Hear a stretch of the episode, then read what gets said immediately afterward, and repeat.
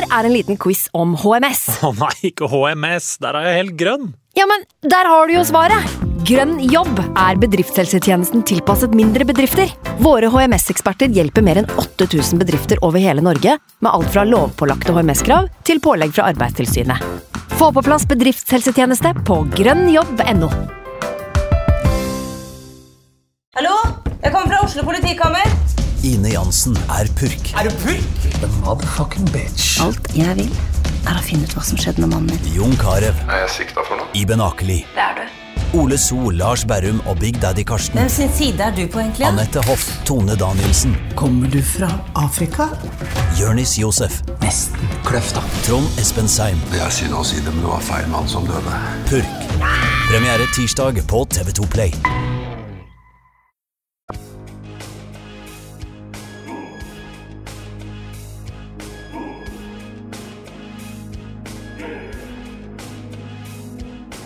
De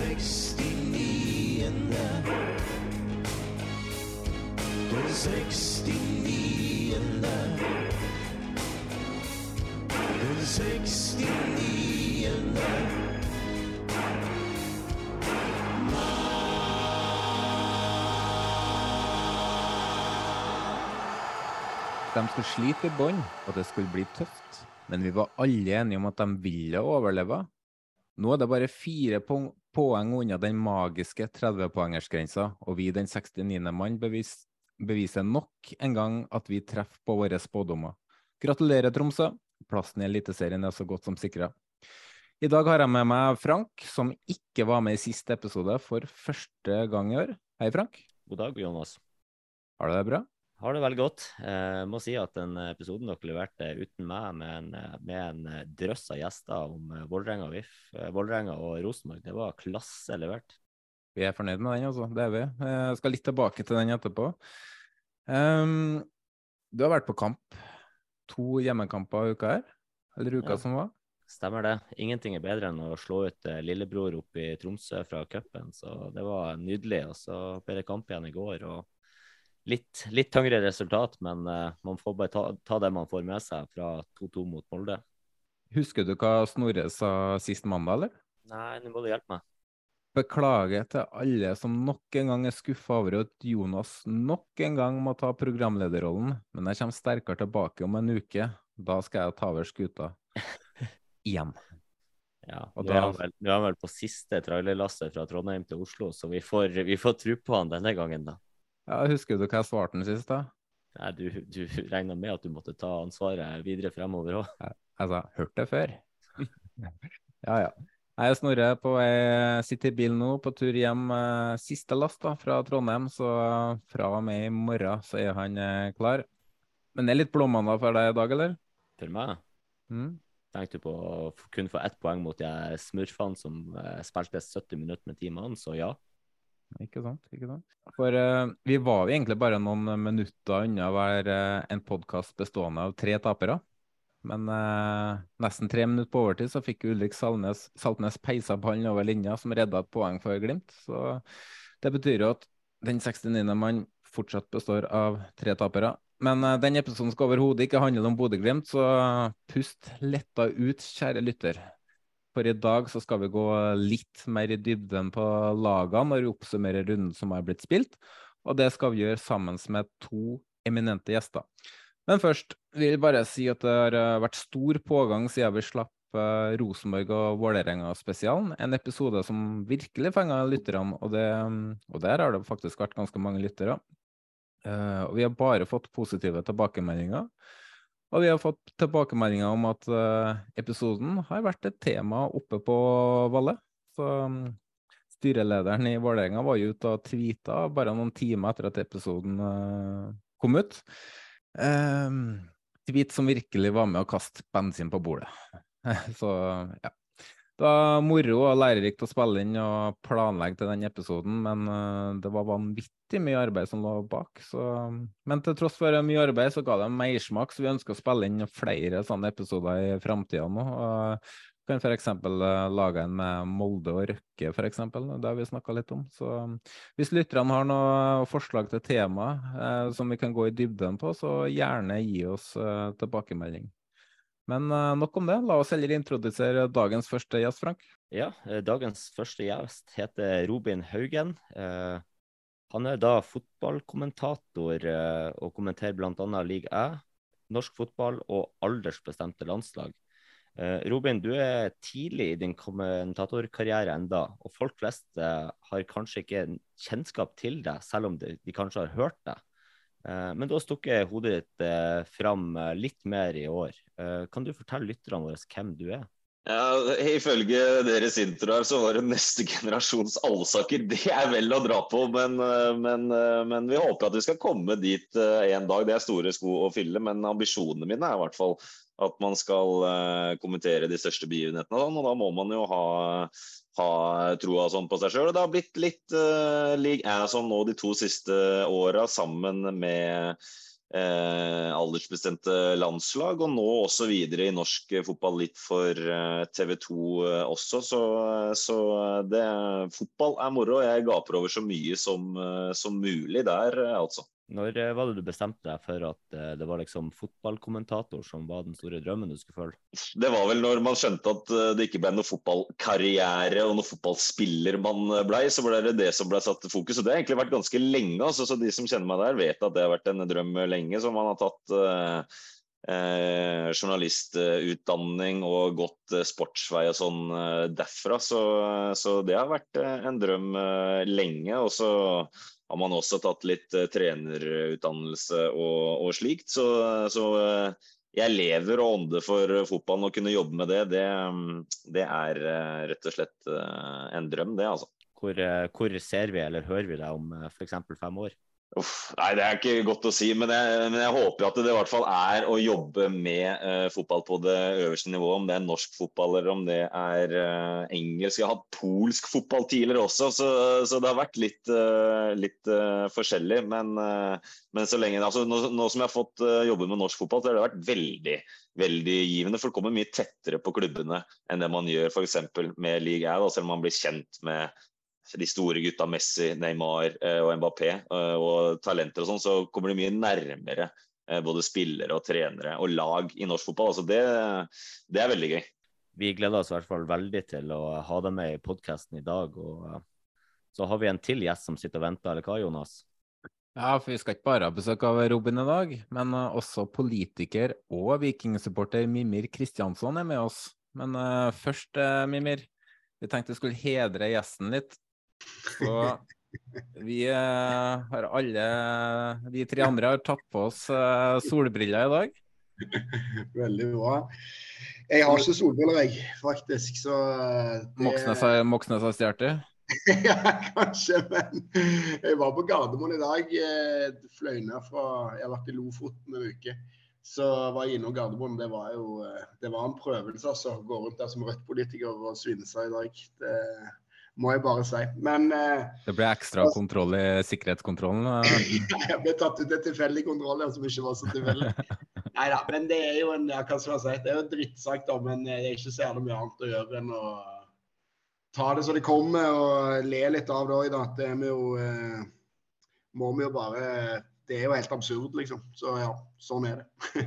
Men det, det ikke, du har ikke akkurat forsvart uh, det han har gjort, det har du jo sagt på Twitter. Men du har jo gått og uh, forsvart den som leder, da, at du står bak en som leder. Og da tolker jo folk det som at du forsvarer det han har gjort. Ja, det er liksom to forskjellige ting, da. At altså, Det han har gjort, er jo helt idiotisk, og det er ulovlig, det er straffbart. Det er liksom ingenting å bagatellisere. da. Men så er jo spørsmålet, når du gjør jævlig dumme, eller for så vidt gjør noe galt, da. Det er jo riktig å si det når man gjør noe dumt. Og gjør noe galt i neste omgang, liksom Skal du miste jobben? Eller liksom dømme det på en måte hele deg som menneske og alt du har gjort, da.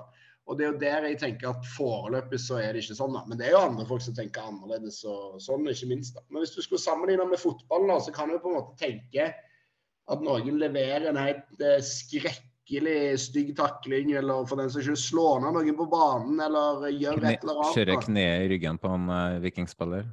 Ja, for eksempel. Eller hva som helst. Eller for eksempel sånn som uh, i et av, uh, en av siste kampene til Viking, når når eh, David Bricalo dytta til Patrick Gunnarsson, og Patrick Gunnarsson filma sånn at David Bricalo ble utvist. Altså Du filmer mot din egen spiller for å få han utvist. Å, den har jeg glemt. Den hadde jeg helt glemt. en, da er det jo en diskusjon. Skal bare Viking kvitte seg med Patrick Gunnarsson? Og da var det jævlig mange på Twitter som skrev masse Viking-supportere. Han har spilt sin siste kamp. Fullstendig uaktuelt. Han var på lån òg, så bare send han tilbake. Jeg vil ikke ha han her. Men når neste sesong starter, da, så var han jo i mål, og nå er alle glade i Patrick Gunnarsson. Da. Så jeg tror man skal skjønne at folk kan gjøre ganske kriseting og likevel fortsette å leve i mange år etter det. så det, sånn er det jo.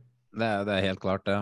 Men det er jo litt med at eh, det har storma mye rundt politikere i siste. Det er veldig mange som har gjort mye verre ting enn å ta par solbriller, hvis man skal rangere, rangere det. Men eh, det går kanskje litt på at folk begynner å bli eh, ja, lei av politikere, da, som på en måte tar snarveier for å få profitt på det sjøl. Det er derfor vi tar, det er derfor vi tar inn en politiker som gjest. Ja. Mimir har, stjålet plassen til noen andre nå. Ja, ja, ikke sant.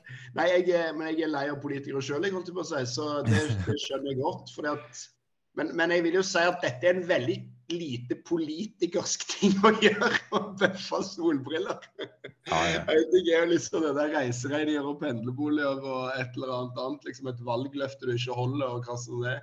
Men, eh, men akkurat dette virker jo bare til å være ja, først og fremst jævlig random greier. da. Så, men, eh, men ja, nei, jeg, eh, men jeg, jeg tenker jo også sånn å fy faen, jeg skal aldri bli partileder noe sted, altså, for det er mitt uh, rulleblad. Det, det, ikke, det går ikke an. Og det finnes nok av overvåkings-footage av meg fra Stavanger sentrum som gjør at det her ikke kommer til å være veldig lovende for min del.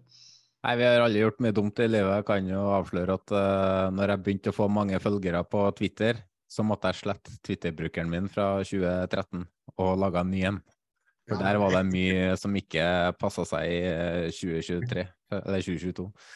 Men uh, nok om det. Uh, Mimir, du er jo en stor vikingsupporter. Hvor lenge har du egentlig fulgt klubben? Nei, det er så lenge som jeg kan huske. Jeg tror jeg var på første kamp med far min da jeg var fem år. Far min er jo, var fra Island, men mor mi er jo fra Eiganes i Stavanger, altså lokalområdet til Viking, der Viking òg er breddeklubben og ikke bare byens klubb. Og mormora mi òg var vikingsupporter, så det er liksom tredje generasjon som har på en måte gått på vikingkamp. da. Eh, Så det har liksom på en måte bare glidd inn. Man er liksom født med det og sånn. Og så har jeg gått i perioder. Eh, Jeg bodde jo lenge i Oslo, og da de første årene jeg bodde i Oslo, så gikk jeg og så et par kamper i året. Så liksom Vålerenga var ofte oppe på Åråsen i den vindtunnelen der og sto. Men da var det veldig sånn stusslige supportergreier. Det kom noen folk fra Stavanger, og de gjorde god innsats. Men liksom, det var masse folk fra Østlandet som ikke ja, Vi satt liksom med to-tre seters mellomrom mellom hverandre da, i små gjenger. Ikke veldig god supporterkultur. Så starta vi en supporterforening som het Viking Oslo, som jeg var med å grunnlegge. Ja, den har jeg hørt egentlig- ja, og det samla Det, det er ikke noe hokus pokus, bare samla de som gikk på kampene uansett. Og så begynte vi å gå litt fastere på alle østlandskampene. Hvor stor er den klubben nå? Vet du det? eller? Nei, det er, det er flere hundre medlemmer altså, eh, i den klubben. Men eh, akkurat, de har jo ikke noen medlems... Altså, de har jo egentlig ikke medlemmer, men det er jo en sånn stor Facebook-side. Men de mobiliserer bra, sånn som nå på den Vålerenga-kampen som var. da. Og så har jo samtidig supportermiljøet i Stavanger vokst noe jævlig, da. For det har jo òg i perioder ikke vært eh, det største fyrverkeriet i Norge. Men eh, de siste årene så har, har det jo vært ganske god stemning på felt O, da, der jeg eh, står eh, fast når jeg er på, på kamp i Stavanger. da. Jeg hadde en påstand eh, sist episode som gikk på vikingsupportere, som jeg fikk litt motbør um, i etterkant av vi, vi slapp episoden. Og det at eh, jeg mente at Viking at det ble fortere glistent på, eh, på Viking sine hjemmekamper enn kanskje det gjør på andre lags hjemmekamper når, eh, når man møter litt motgang. Så er det bare en feeling jeg har, da. For jeg husker jo for noen år siden så var det jo veldig glissent eh, på stadion når det var hjemmekamp. spesielt på langsidene. Um, Ja. Og så følte jeg det var litt sånn i fjor òg, så jeg gikk inn og sjekka noen tall på det. Og det var jo, var jo forskjell på høstsesongen og vårsesongen i antall, antall uh, tilskuere. Men Ikke nødvendigvis på felt O, da. der har det jo vært bra trøkk hele tida. Men uh, hva tenker du om den påstanden? Nei, det er både litt eh, rett og litt feil, tror jeg. Fordi at, altså, jeg synes at uh, i fjor så leda Viking serien med 16. mai, vel. Og så uh, holdt, var man jo nær å ned etter hvert, på en måte. Så at det ble glissent utover den høsten der, det Ja, jeg vil nesten si det var overraskende mange som holdt ut akkurat da. Men jeg tror nok at det har historisk vært sånn at Viking-supporterne har hatt sånn forventninger om at klubben skal være Som mange storbyklubber i Norge har, da.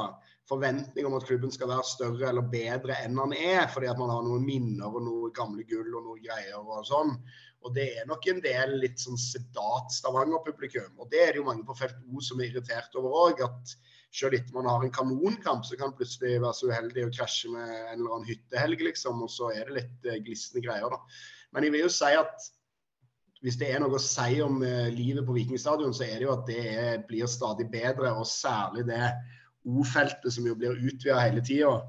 Uh, både i areal holdt jeg på å si, og folk, men òg ned i aldersgrupper med veldig mye unge folk. Det er jo en del av en sånn større utvikling i norsk fotball som er veldig bra. da. Så um, jeg tror, at, uh, jeg tror nok at det er på bedringens vei, men det har vært noen triste dager i Jåttåvågen av og til, ja. jeg skal gå med på det. Men uh, hvis vi skal skille litt mellom det å være supporter og det å være tilskuer, hvis du skjønner hva jeg skal Hvem av de to er du? Jeg er supporter. Uh, og det har jeg for så vidt vært i mange år nå, litt sånn fast, egentlig. Og det var jo et skille på et tidspunkt. Det, det som jeg beskrev når vi gikk med en kompisgjeng og så på liksom ja, Vålerenga på Ullevål og Lillestrøm på Åråsen spiller mot Viking. Og så var det det liksom i løpet av året. Det, da var vi jo tilskuere. Satt vi og drakk kaffe og så på kampen og slengte drit, liksom. Men eh, de siste årene så har jo jeg vært en del av det stående, syngende supportermiljøet. da. Så jeg er jo på en måte midt der det, der det foregår. da. Og for min del så er det bare gjerne mye kjekkere. Jeg, jeg, fatter, altså, jeg fatter ikke at ikke flere folk prøver det, egentlig. For det, det, om det er fordommer eller ideer om at det skal være noe skummelt eller noe galt, eller det skjønner jeg egentlig ikke. Men jeg skjønner jo at hvis du er 70 år, så vil du gjerne sitte og ha det med ro, ta det med ro. Det må jo folk få lov til òg. Eller hvis du har en eller annen barnefamilie og et eller annet. Men altså, jeg tar med ut dattera mi som seks år. Når hun skal være med på kamp, så går vi alltid på felt O. Og hun syns jo det er, det er jo det kjekkeste stedet hun er det er mye kjekkere for henne at det er liv på tribunen enn at det er liv på banen. Mm, ja. så på en måte, det er jo, Når du er i den alderen der, så er jo det veldig fint. Og så sier vi sånn, ja, men det er litt skummelt og de blusser og sånn. Men for det første elsker jo datteren min bluss, da. Men for det andre så, så jo, føles det jo som det tryggeste stedet i verden. Du står jo blant hundrevis av folk som bare vil deg vel. bare vil passe på. Så det er liksom ganske merkelig å tenke at det skal være et rart sted å gå. da. Så jeg tror flere folk burde prøve det ut, egentlig, eh, framfor å tenke at det liksom er noe skummelt eller dumt. fordi ja, når Viking slo Brann sist f.eks. på stadion, det er jo jævla mye kjekkere å stå der i bar overkropp holdt jeg på seg, sammen med de andre og skrike og juble, enn det er å liksom sitte på et eller annet sete langt borte fra eh, der stemningen er, da. Tenker jeg. Ja. Amen. Ja, ikke sant? Vi skal snakke mer om ditt uh, kjære Viking etter hvert, men først så uh, skal vi snakke om runden som akkurat er blitt spilt. Uh, OK. Jeg fikk, jeg fikk, akkurat en beskjed på øret her om at Rødt sier ja til gjeninnføring av brillestønaden. Mer om det senere i sendinga. Var det, var det der en sånn reklame du spilte inn? Ja, ja, ja. Jeg har kjørt en sånn Nytt på nytt-variant her. Hva faen er det du driver på med, den dumme, feite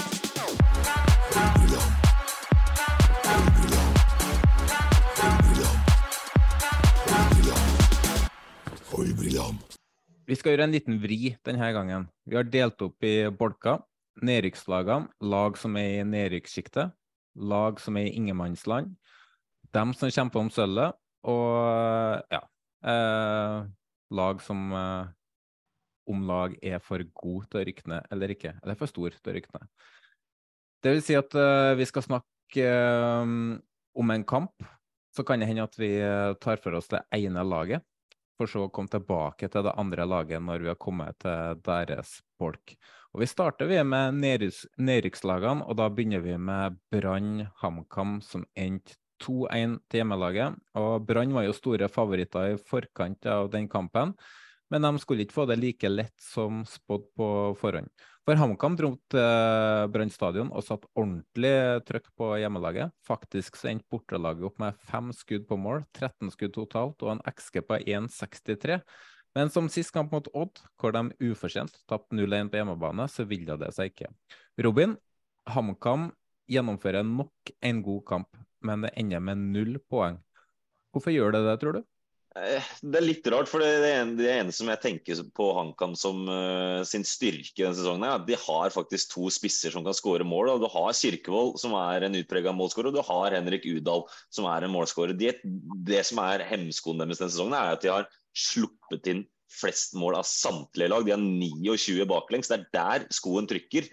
Så, så når de ikke nå greier å eh, sette de sjansene når de faktisk er med i matchene, det overrasker litt. Og det er jo enda mer bekymringsverdig når de faktisk styrer matcher og er med, at ikke de greier å ta vare på sjansene sine. Så, så det er litt eh, overraskende. Og så er det jo ja, det er uh, friske takter uh, fra dem, men det blir, det blir litt uh, samme som et annet lag som sliter, Vålerenga, hvor du ser ja, det er mye gode takter, men det blir ikke noen resultater. Og det, det, det må være veldig veldig bekymringsverdig for Mikkelsen og hans lag. Så, så, et hederlig tap det kommer jo ingen som helst vei med, altså. HamKam ble tippa på sisteplass av de aller fleste før denne sesongen, i hvert fall på nedrykk. Eh, de starta i året sterkt med å slå både Sandefjord og Godset 2-0 på sine to første hjemmekamper. Og flere begynte å få trua på HamKam, men etter tredje serierunde har de bare tatt ett poeng på ni kamper. Ett av 27 mulige poeng, og det kom mot Lillestrøm. Eh, også det på hjemmebane. Fin finnes det egentlig noe håp i det i hele tatt for HamKam, Mimir? Nei, jeg tror egentlig ikke det. eh, og det er jo Altså Det er flere grunner til det. da. Det første er jo at det er jo ikke eh, så mye kvalitet i det laget og i den stallen i utgangspunktet.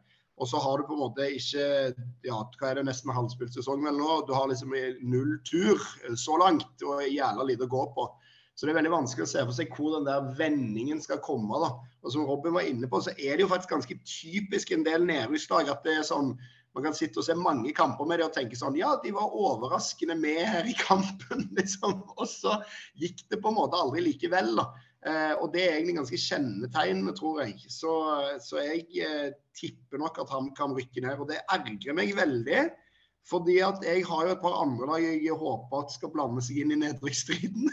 så jeg har et lite mål da, om at det kunne være mulig for HamKam å løfte seg litt. Men jeg bare ser ikke hvor det skal komme fra den endringen eller det taktskiftet som skal liksom gjøre at nå plutselig snur det for HamKam. Eh, det skjønner jeg rett og slett ikke hvor er. HamKam har spilt seks hjemmekamper og står nå med sju poeng. To seire, én uavgjort og fire tap. 5-7 i målforskjell. Det hadde egentlig vært godkjent om eh, det var på bortebane. Men på bortebane så står det med seks tap av eh, seks mulige og 6-22 i målforskjell. Vi er i underkant av én måned unna overgangsrunde som åpner. Hva bør eh, HamKam eh, foreta seg, Frank? Nei, Det er et veldig godt spørsmål, egentlig. Eh, dere drar opp eh, alle statsen eh, fra sesongen så langt. og det er jo, De har tatt syv poeng alle på hjemmebane. De har sluppet inn flest mål i ligaen. De har skåra tredje færrest mål i ligaen. Det virker jo som at egentlig alt må skje i den klubben i løpet av overgangsvinduet. De må ha bedre soliditet eh, bakover, de må ha et bedre grunnspill.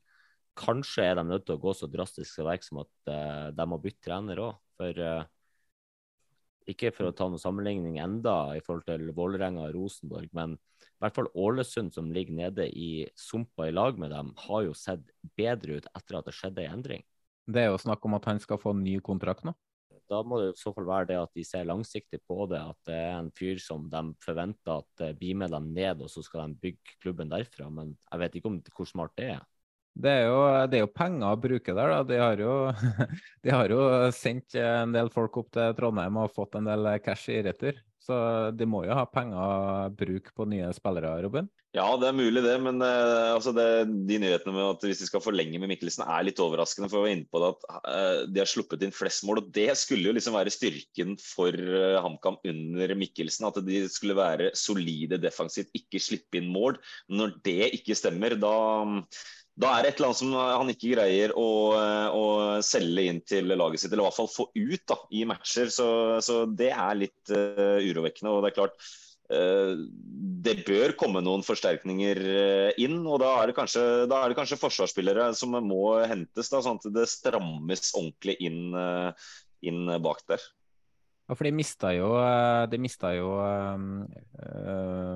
Kurushai etter fjorårssesongen, og så mista det Skjærvik til, til Lillestrøm. Ja, massive, ja, det er massive, massive folk de mister der, også spesielt Kurushai.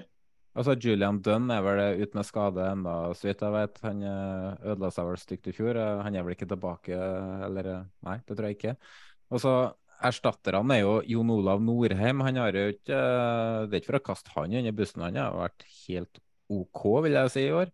Men det er ikke en spiller du forbinder med Du kan ikke akkurat sammenligne han med Kurushai. da, og Samme med Brynjar Ingi Bjarnason, som var et ordentlig bomkjøp for Vålerenga. Det, det, er ikke akkurat kvalitetsspillere de har henta inn for å erstatte to ganske solide midtstoppere. Og så må vi heller ikke glemme Morten Bjørlo på midtbanen. Nei, Det er tunge folk de har mista. Og Bjarne altså, som har kommet inn, det, det, det, kjøpet der skjønte jeg ingenting av. Det, det, bare, det, det skreik desperasjon lang, lang, lang vei. og de navnene som har blitt nevnt, det, det, har rett og slett ikke blitt erstatta. Og det ser jo litt resultatene av nå. Da. Så jeg mener jo at det, hvis de skal overleve, så er de nødt til å få stramma opp der og få henta inn en ordentlig forsvarssjef. da. Så det er verdt å nevne at uh, HamKam i år har skåra 11 mål med en XG på 18,3. Vi går videre vi til neste lag jeg valgte å satt i den nedrykksblokka, og det er selvfølgelig Sandefjord. Sarpsborg er knust de, rett og slett 6-1, og det må sies at det var en uh, typisk kamp som er over før den egentlig har begynt. For uh, eh, 1-0 og 2-0 kommer jo i det 10. og 11. minutt mot et så godt lag som Sarpsborg 08, så blir det jo omtrent umulig å hente seg inn igjen. Og når uh, ja, kampen er over, så står det da 6-1 til Serpelona. Uh, og det kunne ha blitt mer. Sandefjord slepte hele 30 avslutninger, hvor hele 15 er på mål. Hvor bekymra er du på Sandefjords vegne, Mimir? Eh, de er jo nede der, men jeg har større tro på Sandefjord. Altså, en, jeg føler nesten at det er litt urettferdig å sette de i samme liga som HamKam. Altså. altså, Sarpsborg er jo et lag for Jeg skal ikke snakke så mye om Sarpsborg, men det er jo et lag som plutselig har sånne baluba-kamper som dette her. Sant? Som er, spiller morsom fotball og skårer mye mål, liksom. Så jeg vet ikke hvor mye man skal trekke ut av det resultatet som var nå, på en måte. Og jeg syns det ser jeg føler at det er mer kvalitet. altså De mista jo Ofkir da, Sandefjord før eh, sesongen. og Det jo, var jo ganske mye av grunnen til at de både overlevde og overlevde på ganske hederlig vis i fjor. da. Men jeg liksom ja, har vel en tro på at det er mer eh, spill i det laget enn det er i HamKam. Altså. At det er mulig for de, hvis de har litt tur i noen kamper, og klarer å holde seg. altså. Men de er jo der nede, da. Det er jo ikke noe tvil om. Men det er jo to lag som rykker ned, da. Uh, men ingen bør jo være sjokkert over at Sandefjord ligger helt der nede. For uh, de er jo som vanlig blant et av de lagene med lavest budsjett. Og de har mista mange sentrale spillere og erstatta dem med ukjente spillere fra lavere nivå. Men etter en OK pluss preseason og en lovende sesongstart, var det mange som trodde at min, min gamle arbeidsgiver skulle gjøre det langt bedre enn en 14. og en kvalikplass, som de gjør nå. Og når jeg sier min gamle arbeidsgiver, så betyr det ikke at jeg har spilt der, men at jeg mottok noen panteflasker for å trene keeperne på akademiet. Eh, Robin, flere Sandefjord-supportere var langt ned etter gårsdagens kamp, og de er vel allerede nå virker som mentalt forberedt på Obos-fotball neste år, hvis man tolker det man eh, skrev på Twitter i går. Eh, hva kan du si til de for at de skal få litt tru tilbake? Uff, ja, Det er en vanskelig oppgave. Den der må Ødegaard eh, ta seg av. For, for det, jeg tror også at Sandefjord kommer til å slite i år. Det, du var innom spillere som de henta fra lavere divisjoner som eh, har vist seg fram. Det har jo bl.a. Danilo Al-Sayed. Det er jo på en måte han eh, og et par andre de må sette sin lit til eh, der. Men eh, det er litt som Mimir var eh, inne på her også. Det, det svinger voldsomt av det Sandefjord-laget. Fra eh, matcher hvor de, hvor, de, hvor de, overrasker og spiller jevnt med, med, lag på øvre del av tabellen, til plutselig å falle helt sammen og ha de store kollapsene. Så Eh, nei, Sandefjord de kommer til å ligge der nede. Eh, HamKam rykker ned, det er jeg helt bombesikker på. Men Sandefjord kommer til å være med og kjempe om å kanskje få den 30-plassen som gjør at de holder plassen, men eller at det blir en eh, eh, der. Så jeg har ikke noe mer trøstende ord til Sandefjord-supporterne enn det at de kommer til å være der nede, altså. Det er som Bernt Hulsker sa når han var gjest hos oss, at uh, Sandefjord er enten-eller. Men hvis du ja. er enten-eller, da overlever du, tenker jeg. For det, de har jo noen gode kamper. De var jo eh, litt uheldige hjemme mot Viking når, eh, når Løkberg sleiver i mål på overtid der. Og, og, og så har de klart uavgjort borte mot Brann, bl.a. Eh, de har fått uavgjort på Lerkendal. De har knust Ålesund 4-0 hjemme. De har spilt uavgjort mot Tromsø, så de har jo noen resultat bak her som er, er mm, sterkt. Men så har de nå fått en periode da, med, der hvor det har blitt fem tap på de seks siste kampene. De, innimellom der så har det jo knust Odd 4-1. Uh, eh, men så har de igjen ryket ut mot Eik Tønsberg i cupen. Og bak dem så har Ålesund egentlig sett ganske brukbar ut etter at Lars Arne Nilsen fikk sparken. Hva tenker du, Frank? Tenk at uh, Av de tre lagene i bånn, så er det Sandefjord som har det høyeste toppnivået. Men uh, da er de nødt til å ta ut toppnivået sitt oftere, fordi at uh, bunnivået deres er grusomt lavt. Og så tror jeg Sandefjord er veldig avhengig av at enkeltspillere står frem for dem. De har to midtstoppere i Moen Foss og Jesper Tøye som er, kan være matchvinnere bak der. Samtidig så syns jeg ikke han Keto ser ut som en fantastisk keeper for tida. Uh, og så har du noen kantspillere egentlig som uh, kan gjøre det magiske alene offensivt for dem igjen. Og Det skal jo skryte Sandefjord være det at de har dyrka frem mange kantspillere de siste årene. Og det har de jo egentlig fått til i år òg, da. Uh, utenom det så ser jeg egentlig ganske mørkt uh, på det Sandefjord-laget. De er avhengig av gode dager og gode leveranser fra deres viktigste spillere, rett og slett. Ja, kantspillere, det, det kan jeg. De hadde jo Kristoffer Normann Hansen og Jonsson for eh, to sesonger siden. De hadde Ofkir i fjor og eh, litt Franklin Daddy's Boy, og nå, eh, nå er jo Alside og Komson på gang igjen, så det er nok de som er nøkkelen, tror jeg, for at de skal ja, komme seg opp fra en kvalikplass. Vi går videre over til Ålesund-Rosenborg, som endte 1-0. Skitkamp. Vi går videre. Nei da. Eh, som jeg var inne på, så har Ålesund sett sterkere ut etter at eh, Lan fikk sparken. Og i Kristian Johnsons, Johnsens første kamp som trener, så ble det jaggu tre poeng hjemme mot Rosenborg. Og Ålesund var klart best det første kvarteret i det som var en veldig morsom fotballkamp. Det var to angrepsvillige lag som gikk rett i angrep hver gang sjansen bød seg. Men det var samtidig mye flaks, eller uflaks, og mangel på kvalitet som gjorde at det ikke ble flere skåringer eller større målsjanser for kampens eneste skåring ble satt inn av en eh, god Markus Karlsbakk etter årets gavepakke og keepertabbe av André Hansen. Viktig seier for Ålesund, eh, Mimir. Hvor eh, viktig er det for en ny trener å få den der starten? Nei, Det betyr veldig mye, det. da.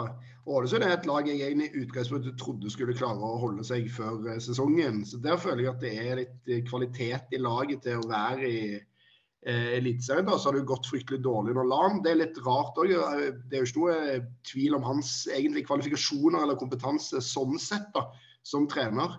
Men eh, nå har de jo fått trenerskifte, og det hadde, jo Rosenborg òg. Det, det ene går jo bedre enn det andre, for å si det på den måten, så langt. Og jeg syns jo eh, at den kampen så ut som Ålesund skapte veldig mye, da. Og så ble det jo litt mer trøkk fra Rosenborg ut, utover, da. Men jeg tror eh, Ålesund-supporterne kan se litt lysere på tida som kommer enn de to andre nedrykkslagene sånn sett. At de er på en eh, vil Jeg tro det er litt tidlig å calle det, da, men er på eh, har, kan ha håp om å ha en oppadgående kurve, eh, vil jeg si. Kristian Johnsen er jo en trener som er kjent for å stille skyhøye krav til spillerne sine, og de har allerede gått over til å trene to ganger i uka. Er ikke det ganske risikofylt med tanke på skaderisiko, Robin? Jo, det er det helt sikkert, men jeg mener at den ansettelsen der kan eh, rett og slett være forskjellen på om Ålesund spiller Eliteserien neste sesong eller Obos-ligaen. Jeg, eh, jeg, mener det er en klink, klink rett avgjørelse av eh, Ålesund. og og Kristian Johnsen han er nådeløs, altså, men det er jo det man trenger eh, når du ligger i den posisjonen som, som, de gjør. De trenger en som setter krav, som vet akkurat hvordan han vil ha det. Og i tillegg når du ser på den um, elveren han sender ut nå. Det er de spillerne som Lars Arne Nilsen ikke ville ha ut på det. Atanga, uh, Ødemarksbakken. Altså offensive spillere som nå får muligheten.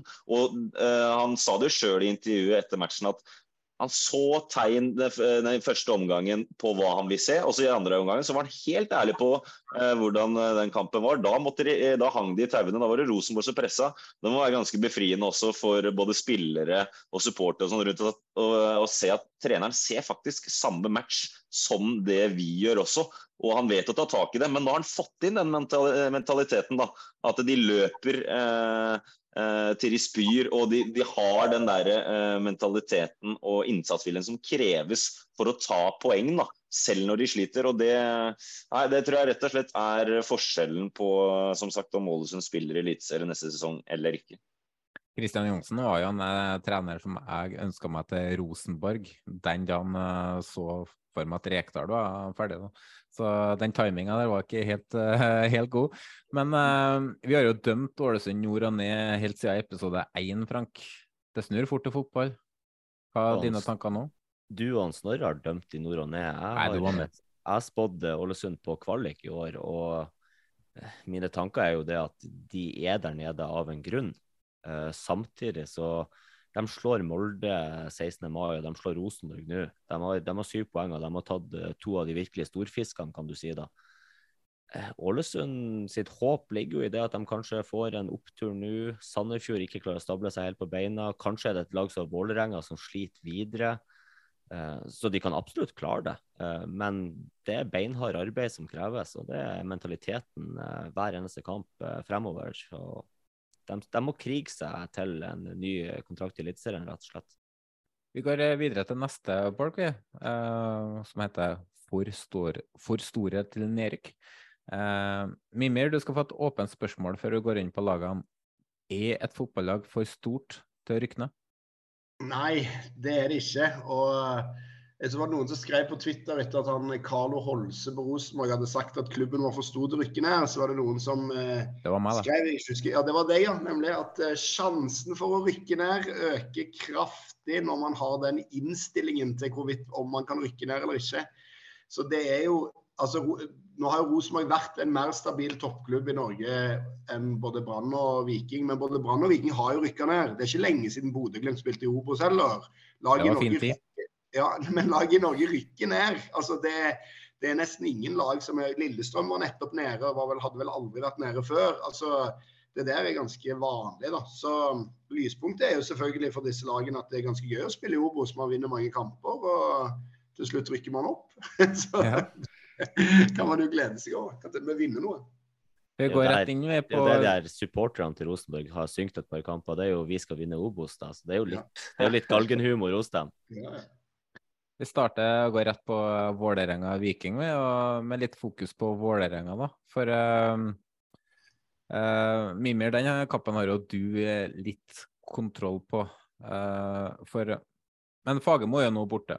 Nordnes er midlertidig tatt over. Det er kaos i og rundt klubben. Det er en styreleder som peiser bensin på bålet 24 timer før kampen på Twitter.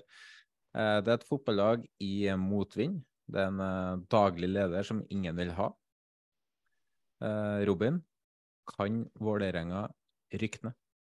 Ja, altså Absolutt. Og de tingene du nevner der, det er, det er kaos der nå. Altså. Det er det ingen som helst eh, tvil om. Spillematerialet, det er, altså det er mer enn godt nok til å holde seg. Burde være uh, høyere på tabellen enn det er nå. Men det er ikke noe topplag i det hele tatt, uh, hvis man ser på uh, de spillerne som Vålerenga har. Men det som er bekymringsverdig, er jo den stopperposisjonen, syns jeg. da Nå, nå mista de jo Heggheim, eh, som eh, dro tilbake igjen til Brøndby etter det utlånet. Men så har du Kiel Olsen, som de henta inn før sesongen, som skulle være makkeren til Strandberg som i utgangspunktet man tenker at skal utfylle hverandre ganske bra med tempoet til Kiel Olsen ved siden av en Strandberg som sliter nettopp uh, der. Men han har ikke fått tillit overhodet. De har bruker Fredrik Oldrup Jensen der. Sota har blitt brukt foran han også. og Den, den posisjonen der er så enormt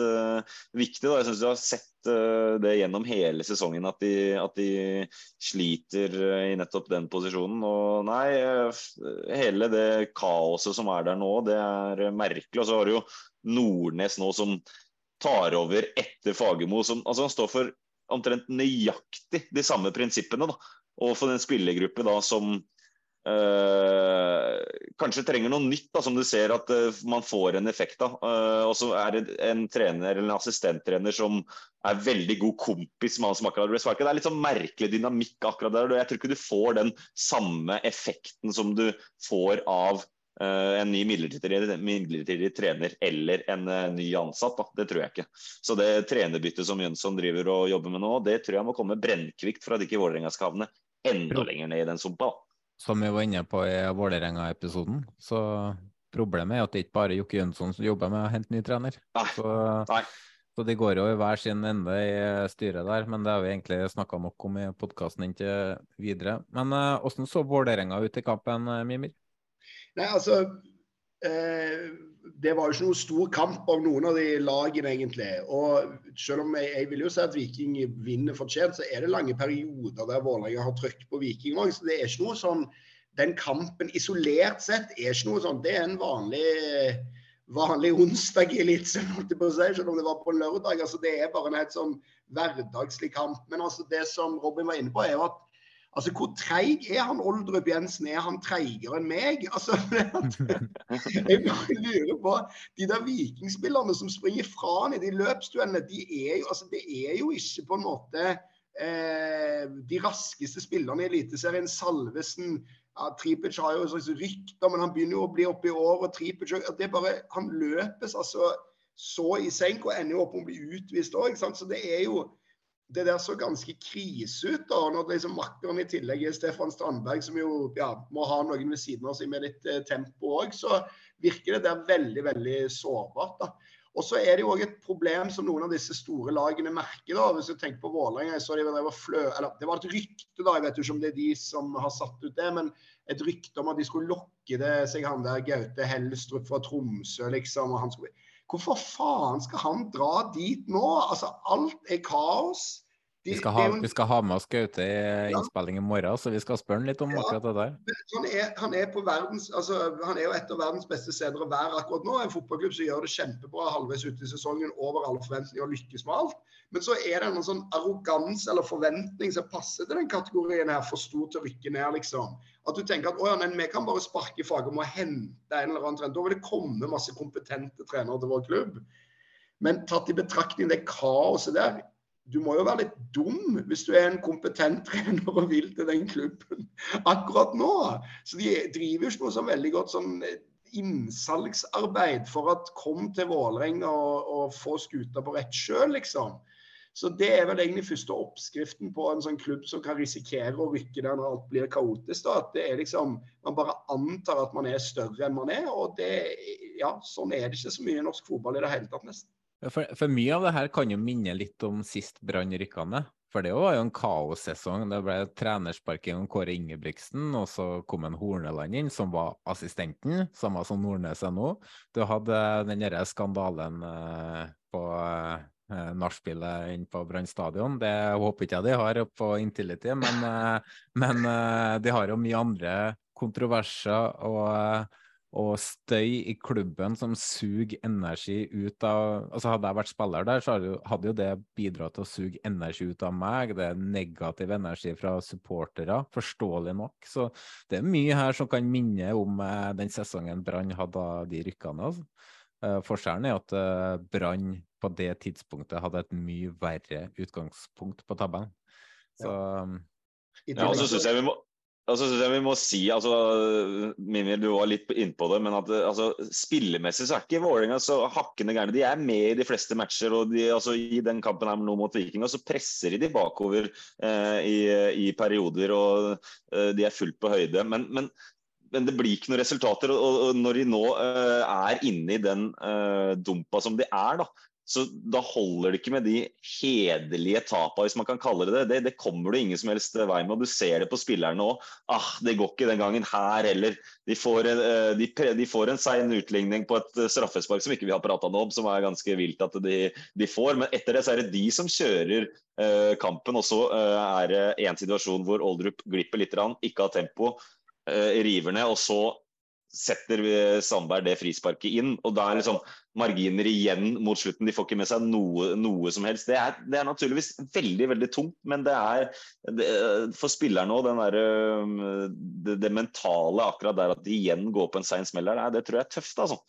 Det har vært én positiv nyhet da, i hele uka, og det er jo at eh, Christian Borchgrevink har spilt en fotballkamp igjen. Riktignok for Vålerenga 2, men det er jo en uh, potensiell uh, eh, nysignering som jo òg eh, virker til en fyr det er litt eh, tæl og klubbfølelse i, og ikke bare som kanskje er god å ha med seg hvis man skal kjempe mot nedrykk da, utover. Eh, det, det, er fint, det, er fint, å nevne det, for han var jo med oss eh, forrige uke. Og eh, vi slapp jo 30 minutter av den samtalen der i Vålerenga-spesialen vi hadde. Men eh, på onsdag, da, hvis Snorre får ut fingeren, så skal vi slippe hele samtalen vi hadde med Erlend Dahl Reitan og Christian Borchgrevink som en eh, ekstraepisode der Christian snakker ut om eh, den tida han har vært skada og den tida som kommer framover nå. En veldig fin prat. En utrolig fin eh, fyr. Veldig reflektert, så det var en eh, god samtale. Uh, Robin, du er inne på kontroversielle, det kontroversielle straffesparket. Hva tenker du om det, egentlig? Nei, da må det gi så mange straffespark at det hjelper. Det, jeg, jeg, er ganske sikker på at dommeren eh, blir ganske lei av å si fra hele tida. Du ser han er borte hele tida. Ikke noe holdning her nå. ikke noe holdning her nå. Og så ser han selvfølgelig det er holdning. Det er det ikke noe tvil om. Men den holdninga der skjer så mange ganger i løpet av en fotballkamp at du kan eh, på en måte ikke dømme på den. Men da ser rett og slett dommeren seg så lei at nå skal jeg bare dømme. Men den er så lik så mange andre situasjoner, og da blir det 20-30 straffespark i løpet av en match. da. Frank, du har en uh, annen innfallsvinkel til den? Ikke så veldig annerledes, men uh, det går jo på det der da at uh, jeg, jeg, mener det, og det, det er kanskje ikke alle i Stavanger som er enig med meg her, men jeg mener det at det er greit å dømme straffe der fordi at dommeren Hvis vi går litt tilbake i kampen, det var midt på banen. Brekolo får gult kort mot seg for holding på han Jatta. frispark. Tre minutter etterpå så gjør han Diop akkurat det samme. Får frispark mot seg, men får ikke gult kort. Uh, Diop, han, han, Diop han har holdt uh, gang på gang på gang uh, gjennom kampen. Og dommeren har konfrontert han med det gang på gang på gang. Og så er det i begge bokser, også når Viking har offensive cornerer, så blir det påpekt det her med holdning. Dommer sier det gang på gang på gang. Og dommeren er borte og snakker med han Diop for han stoppa corneren. Corneren blir ikke tatt. Han stoppa den. Han går bort og snakker til Diop. Jeg ser holdninga di nå. Ikke gjør det der mer. Jeg blir dømt straffespark. Dommeren blåser i fløyta. Corneren er klar å tas. De oppstår og holder. Det, det, det, er så dumt. Og da, da tenker jeg som så at når, når du har en gjennomgang, eh, gjennomgående greie i hele kampen der samme spiller holder igjen og igjen og igjen, så er det greit. Det er fette billig, men det er greit. Jeg tenker at uh, selv om dommeren ser holdninga der, og han eh, har gitt beskjed om det, så mener jeg fortsatt at det er feil å blåse. Fordi det er sånn at ja, det er ikke lov til å holde i fotball. Så, jo, det er lov til å holde i fotball. Man holder alltid litt til fotball, men i en grad hvor mye skal du holde? Da? Og det, han blir så lite hindra eh, eh, Vålerenga-spilleren her, at han, han, roper jo ikke etter straffespark engang. Så da, da, for meg da, så blir det Men, men, men dom, dommeren ser en kar som har tak i drakta på spilleren og mot halsen i tillegg. Altså det, det er sånn klart, Dommeren ser ikke krafta i det, men han ser bevegelsen i det. altså Dommeren, hva er det han har sagt? da? At han eh, at vurderingen hans er at Diop altså han er sterkere enn Diop, også, men at han løfter han opp med én hånd. Er det ikke det som er forklaringen? Løfter han opp liksom det er på en måte men problemet Jeg synes jo du, jeg er helt uenig med konklusjonen, Frank, men jeg syns du argumenterte best mot deg sjøl her, egentlig. fordi at Poenget bare er jo at han er jo helt inkonsekvent, han dommeren. I én situasjon gir han Brekalo gult for det, i neste situasjon slipper Diop unna.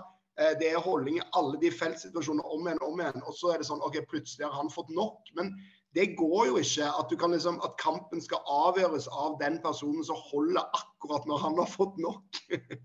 Eh, sånn at det liksom du, du, må jo finne en eller annen Det må være en konsekvens. Enten så er det der ulovlig holdning, og da må det dømmes som Robin var inne på, mange titalls straffespark. Eller folk må slutte med det, da. Det må være det, det som blir konsekvensen. Da, da er vi på basketballnivå. Ja, Ellers så aksepterer man på en måte det. Men den der mellomtingen der du i praksis risikerer å endre hele resultatet i kampen. Og hadde det vært på et annet tidspunkt i sesongen mellom andre lag, avgjør nedrykk eller ikke, eller gull eller ikke, eller hva det skulle være. Fordi at akkurat der og da var du så lei av holdning at du ikke orka. Det blir liksom litt for uh, subjektivt og random for meg, da. Så jeg syns den uh, avgjørelsen uh, ja, var rimelig kritikkverdig. Men det gikk jo bra til slutt, da, så ja.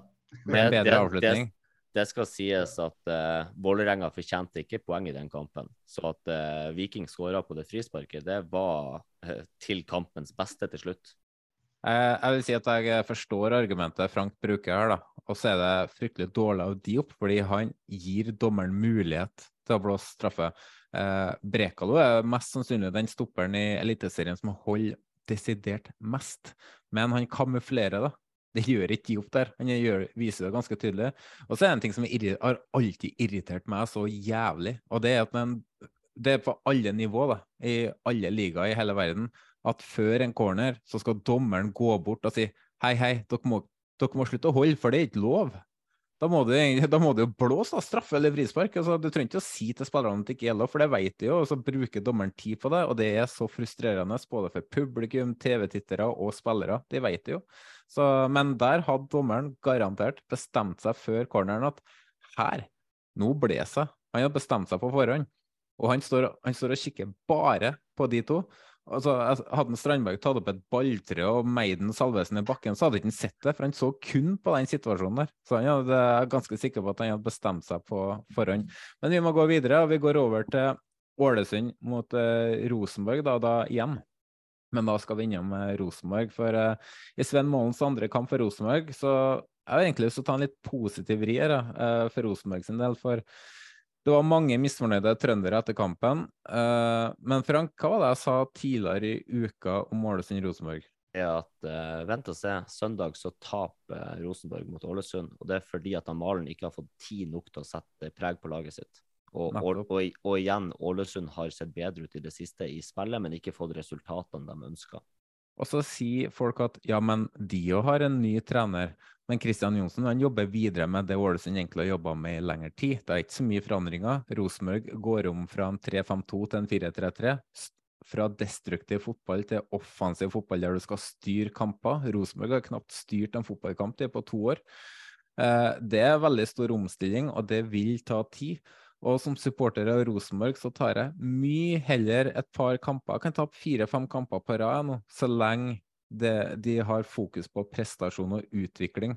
For hvis de har fokus på det framover nå, så tror jeg resultatene vil komme i høst. Men jeg er i hvert fall innstilt på at det her, eh, her vil eh, ta tid, så jeg er ikke bekymra. Og vi skal ikke mange ukene eller månedene tilbake før Rosenborg sleit med å styre en kamp mot Trygg Lade fra fjerdedivisjon med et relativt bra lag fra start. De spilte mot Stjørdalsblink, skapa målsjanser, men styrte ikke akkurat kampen eh, på en imponerende måte. De kampene de har vært best i år, er de kampene hvor motstanderne har vært klare favoritter, og de kunne ha spilt på ren kontringsstyrke. Så at de nå skal gå over til å styre fotballkamper, Uh, og det tar tid, det er helt greit. Og hadde Rosenborg hatt marginer i kampen her, så hadde de jo tatt tre poeng. Så uh, jeg syns uh, i hvert fall Rosenborg-supportere skal puste litt med magen. Denne sesongen her har gått til helvete uansett. Så uh, nå handler det egentlig bare om å omstille seg og gå for utvikling og tenke prestasjon, sånn som de i nord har snakka om i, i, lang, lang tid. Hva tenker du om Rosenborg akkurat nå, Robin? Nei, Du oppsummerer jo ganske bra der, egentlig, syns jeg. Ja, jeg er enig i at, at det er litt fremgang for Rosenborg under målen. Men det er klart det lar seg ikke høre å tape 1-0 der. De har flere sjanser etter hvert der, men de er nødt til å starte matcher bedre enn det de gjør. For de slipper til masse sjanser i starten der, eh, og så bedrer det seg etter hvert. og du ja, to i starten, de hadde, ja, og så, er det de som uh, snakker om den XG-en i opp og ned og i mente, men de hadde vel da med ganske mye mer enn Ålesund uh, til slutt. Så ja, de skaper mer. Det er mer uh, underholdende å se på, men det lar seg ikke høre at Rosenborg taper 1-0 mot Ålesund og 0-3 for Sarpsborg. Det er klart det er en tøff start for, for målen, men det altså det som jeg, har litt imot uh, han der, er jo måten han, han tok over på. Det, jeg syns det var litt arrogant med uttalelser han hadde i retning uh, Rekdal og Frigård. Og ja, du kaller det destruktiv uh, fotball. Det fins flere veier til rom der. Det fungerte ikke for de to i Rosenborg. Jeg er enig i at det var for dårlig, men, men det handler litt om respekt for eh, trenerkollegaer og litt sånne ting. Og det, for meg så skinte det litt igjennom som at Målen mente at det ble gjort feil. Det, det, det er ikke slik det skal spilles fotball, at han satt med en liten fasit. Da.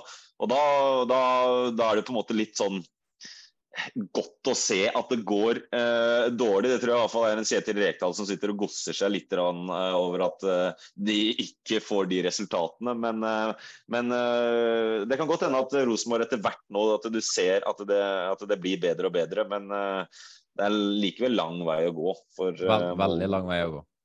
Ja. Ja. Mimir, uh, uh, vi har tidligere spøkt om at alle uh, er rivalene til Viking, og så er det ingen som har Viking som rivaler. antar at Rosenborg er en liten rival for deg. Koser, koser du deg litt når Rosenborg sliter? Ja da, jeg koser meg veldig. Jeg, jeg hadde heid på motstanderlaget om Rosenborg spilte mot bedriftslaget til fangevokterne Auschwitz, så Jeg går helt fint. Men eh, nei, altså Det er jo bare det der jeg, det, det, blir ikke noe, det blir ikke noe stemme etter Rødt, altså. Nei, kan bare Nei, nå går det dårlig i Trondheim. Men, men eh, jeg har ikke noe sånn det er jo ikke noe sånn derby eller rivaleri eller sånne ting med Rosenborg egentlig. Det er jo det at i hvert fall i den perioden jeg vokste opp, så vant de hvert år. Så man ble gjerne lei av det. Altså Det er jo den type effekt. da er jo litt det sikkert Glimt-supporterne merker det godt fra å være sånn Norges herligste til å bli sånn forhatt på jævlig kort tid. Da.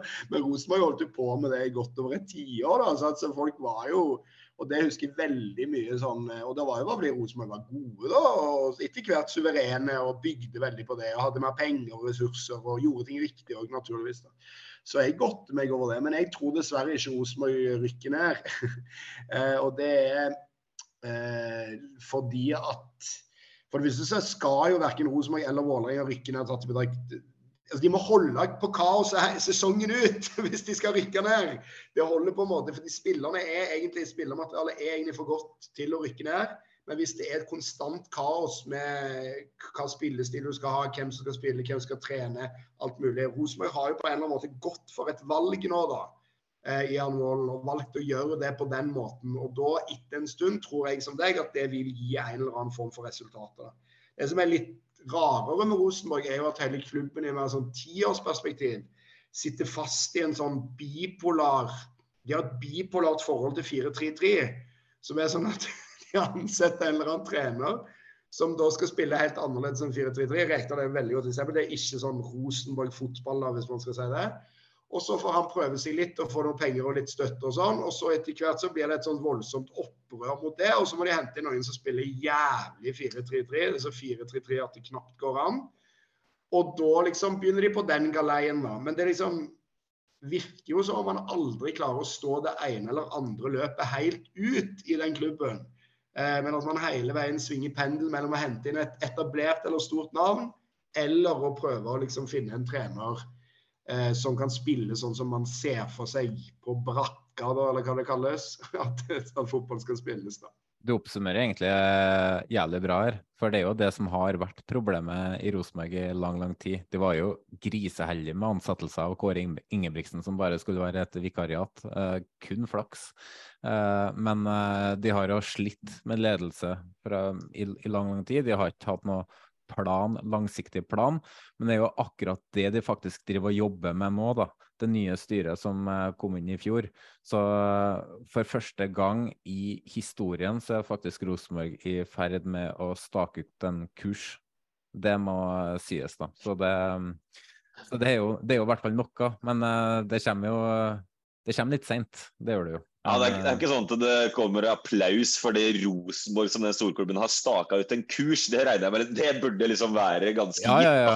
Det, det burde, som sagt, det burde det gjort for mange år siden, men det har det ikke gjort. De, de levde på Nils Arne Eggen, han uh, skapte suksessen. Han sørga for uh, en utømmelig pengebok, trodde vi, da. Uh, som har sørga for Lerkendal, entusiasmen og uh, kulturen som er, i, som er, i, Trondheim, som gjør at uh, man har det sponsormarkedet man har, osv. osv. Uh, så, så han staka jo ut den kursen fra sitt hue. Men da og så hadde han jo de postulatene sine selvfølgelig som han har levd etter, men det har jo ikke vært en klar strukturell plan fra styrets side før nå som de er i ferd med å jobbe ut. Og Det var derfor de gjorde den endringa med Rekdal, da, fordi mest sannsynlig så visste de at på sikt så var de nødt til å gjøre den i tillegg. For det må sies at det var et sittende styre som ansatte Kjetil Rekdal. Kun et par av de. Jeg tror tre stykker av de. Eh, men vi må nesten bevege oss videre.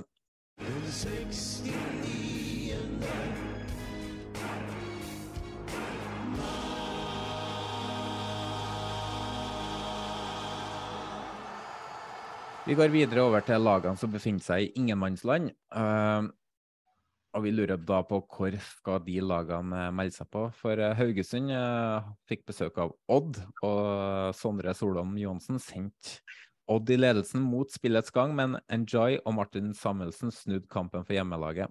For sent, Robin? Ja, det syns jeg. Uh, Haugesund uh, har løfta seg veldig i det siste. Har tre seire på uh, de fire siste matchene, vel. Men uh, er ikke det mot de beste lagene. Men det er jo ekstremt viktig da, for Haugesund å slå de lagene rundt seg på tabellen. Godset, Sandefjord og nå Odd som de har slått, så det er veldig viktig. Og Grindhaug har jo fått fart på ting da, etter en vanskelig start der. Jeg er mye mer bekymra for, for Odd. Nå er jeg fra Skien sjøl. Og eh, de mista Jentovic nå. For jeg var inne på det forrige ukes episode, at Odd er et utrolig grått og trist lag. Eh, da nevnte jeg bl.a. at Odd er det laget som har lavest eh, ballgjenvinninger på siste tredjedel, og at det, at det er langt opp til Vålerenga, som var på nest siste. Eh, det er et lag som heller mister ballen og springer ned og venter på 16-meteren. og De produserer få mål og målsjanser. Og som du sier, Jevtovic er bort. Konrad Vallem forsvinner mest sannsynlig. Ja. Jeg blir sjokkert hvis Valstedt er her i, over sommeren. Ja, er, da, er det, da, er det, fullstendig krise. og da, da, tror jeg rett og slett det kan ende med nedrykk. Altså, de er nødt til å erstatte uh, Jevtovic og Vallem. Jevtovic er jo egentlig den spilleren som står med altså, som, uh, er kapabel til å skåre måla til Odd. Han var toppskårer i fjor. Nå står de med Midtskogen som spiss i år. Det er ikke godt nok på det øverste nivået i Norge. Den kan brukes i enkeltkamper og enkeltscenarioer i, i matchen. Man har én skåring. Eh, Toppskåreren til Odd er Filip Jørgensen, som har blitt brukt på topp. Han er en fantastisk spennende spiller, men han er ikke noe spiss. er ikke den som skal skåre måla.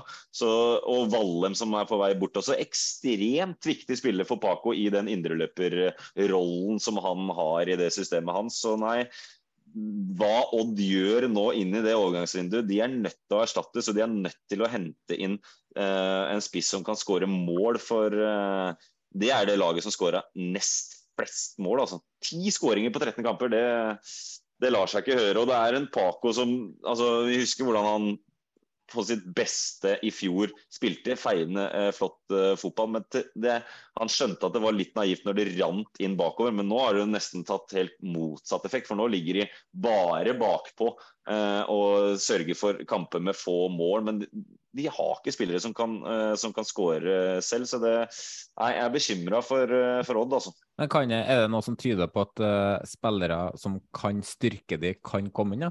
Fordi de hangla jo veldig i vinter med at de brukte jo flere måneder på å tro at en, uh, Vebjørn Hoff skulle komme og være den sekseren i men så, men så dro jo han til Lillestrøm, så det virka ikke som at de hadde noe backup-plan for det heller. Nei, eh, det hadde vært en viktig mann å få inn, eh, Vebjørn eh, Hoff. Altså, men, men altså, jeg har sett flere mm, folk i lokalavisen og sånne ting skrive om at Vallem og Jevtovic er jo spillere som er nødt til å erstattes. Og de trenger spillere som sagt, som produserer målpoeng. Det er der det skorter for, for Odd nå.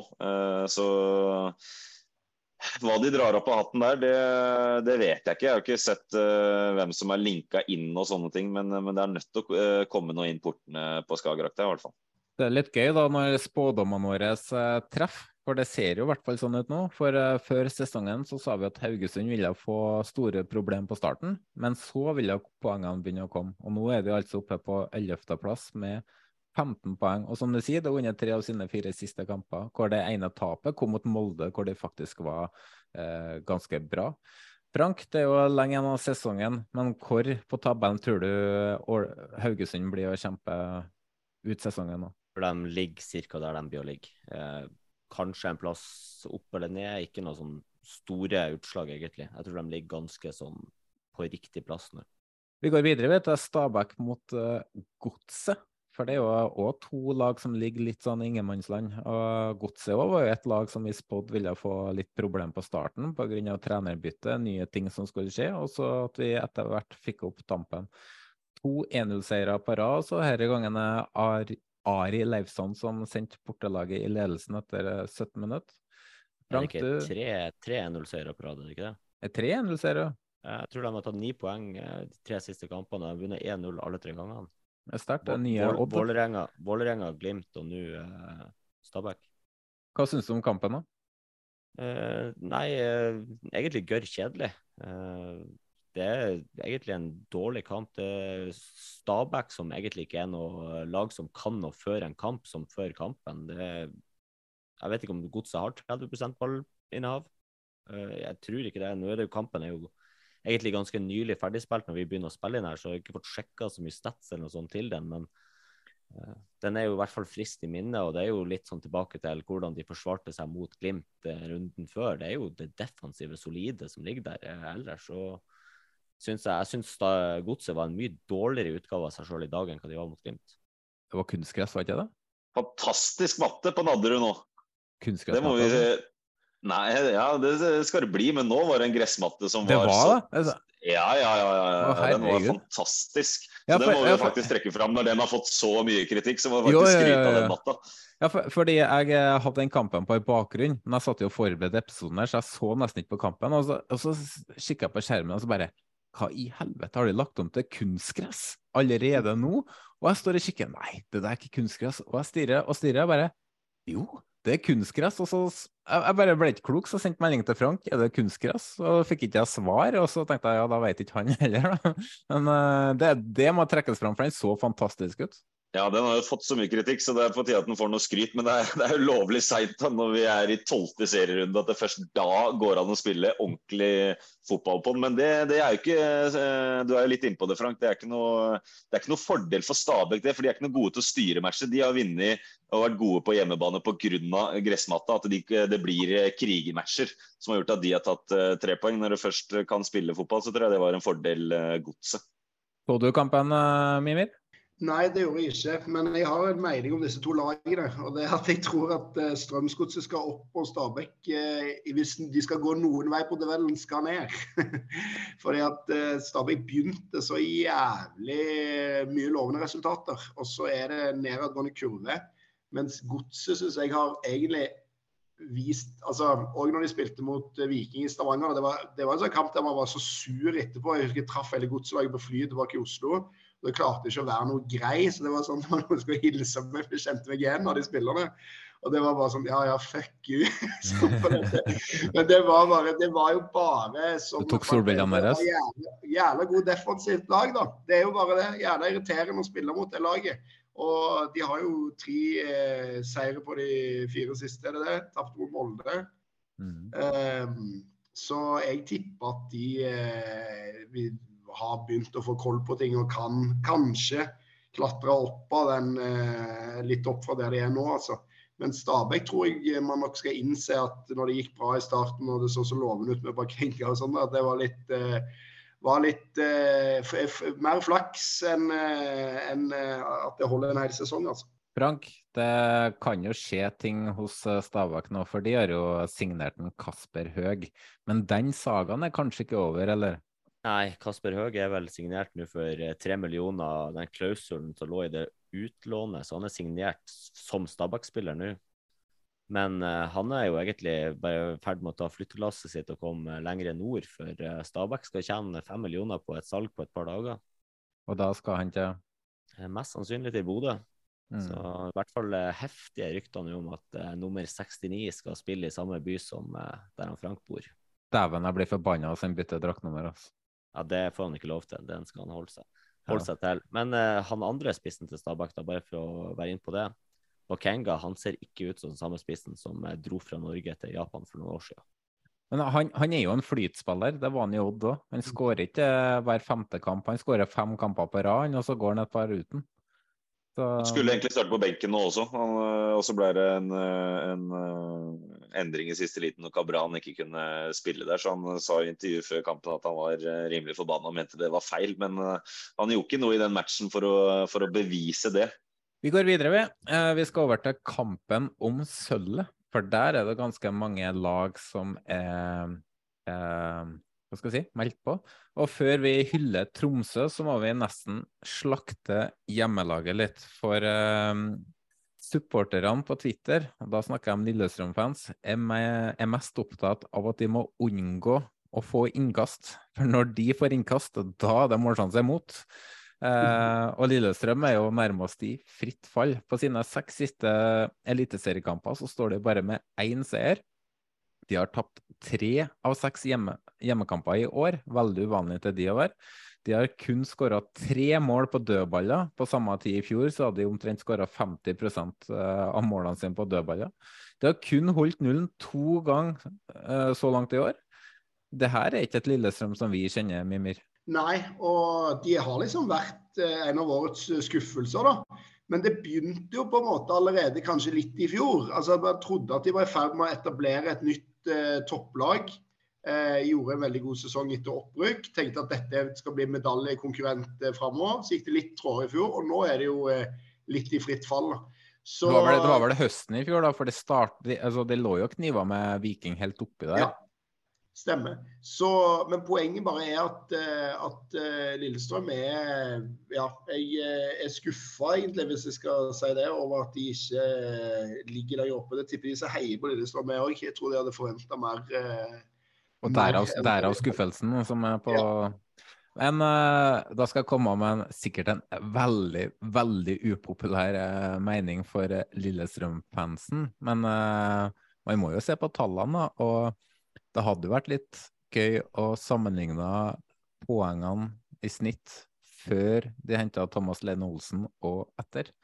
For det de har gjort etter at de henta Thomas Lene Olsen, var jo at de la om fra 3-4-3, som fungerte veldig godt med Gjermund Aasen som en sidetier, og så har de lagt om til en 3-5-2 for å få plass til nettopp Lene Olsen og Akor Adams på topp samtidig som gjør at en spiller som Gjermund Aasen, som har lyktes ut på sida, har blitt dytta ned som en indreløper. Og eh, så senest i går på Twitter er folk som faktisk ikke vil at Gjermund Aasen skal få ny kontrakt. Um, mm. Og vi hadde jo, eh, vi hadde jo eh, Petter Myhre som gjest i en tidlig episode i år, og vi spurte jo akkurat om det der, hvorfor de legger om fra en formasjon til, som fungerer, til noe nytt. Og da sier han jo at det er for å få plass til flest mulig av de beste spillerne ut på banen samtidig. Det ser jo ikke ut som at det er noe som har eh, fungert eh, da, Robin? Nei, ikke hvis vi ser på tallene til Lene Olsen. Uh, i hvert fall. Det har fungert for Akor Adams, altså, som ti skåringer i år og er helt uh, oppe i toppen på toppskårerlista. Men uh, Lene Olsen har bare to. Men, men nå skal ikke jeg stille noen spørsmålstegn ved, ved Petter Myhre og, og, av hans som trener. Jeg er jo litt enig i at du må prøve å få de beste spillerne utpå der, og så må du finne det systemet som passer passer eh, dem. Men, eh, men, det har ikke fungert nå for Lillestrøm i, eh, i det siste. Men de har noen hengekamper på noen av dem lagene foran der som gjør at de kan henge seg på igjen. Men, men Det er jo ikke mye som tyder på at de skal vinne hengekamper når det er én av seks seire? da? Nei, det, det, det lugger litt for eh, de akkurat, eh, akkurat nå. Det gjør, eh, det gjør, det, altså. Men, men, jeg vil ikke avskrive de. Jeg syns de har et ganske bra mannskap. Altså, det er bare Bodø-Glimt som altså Selv om de har to kamper nå som, som, de ikke har vunnet på, det er kun de som går litt på autopilot i norsk fotball syns jeg. Uh, resten vil ha litt opp og ned-perioder. Tromsø som nå uh, flyr på en uh, sky. Jeg tror det kommer til å være noen resultater der på rad som kommer til å gå imot dem også. Så jeg, jeg, avskriver ikke at Lillestrøm kan, kan komme opp og kjempe om medalje igjen. Ja, altså. Det gjør jeg ikke. Men Frank, nå har de mista Magnus Knutsen, en veldig god spiller. Og hvor er de? Skal han fort forsvinne i sommer. Og Thomas Lenn Olsen har som sagt ikke sett veldig skarp ut etter at han kom hjem fra utenlandseventyret. Overgangsvinduet åpner snart. Hva bør Lillestrøm foreta seg? Jeg syns Lillestrøm gjør riktig å hente han eh, Vebjørn Hoff, men de savner han eh, Matthew. Mm. Eh, fordi at eh, det, det, var et annet nivå. Vebjørn Hoff kan eh, være med og stabilisere den midtbanen godt, men de, de, de mangler den all den usynlige jobben av Matthew Lane for det laget der det kommer så til syne når det går dårlig for det Lillestrøm-laget, at han er borte.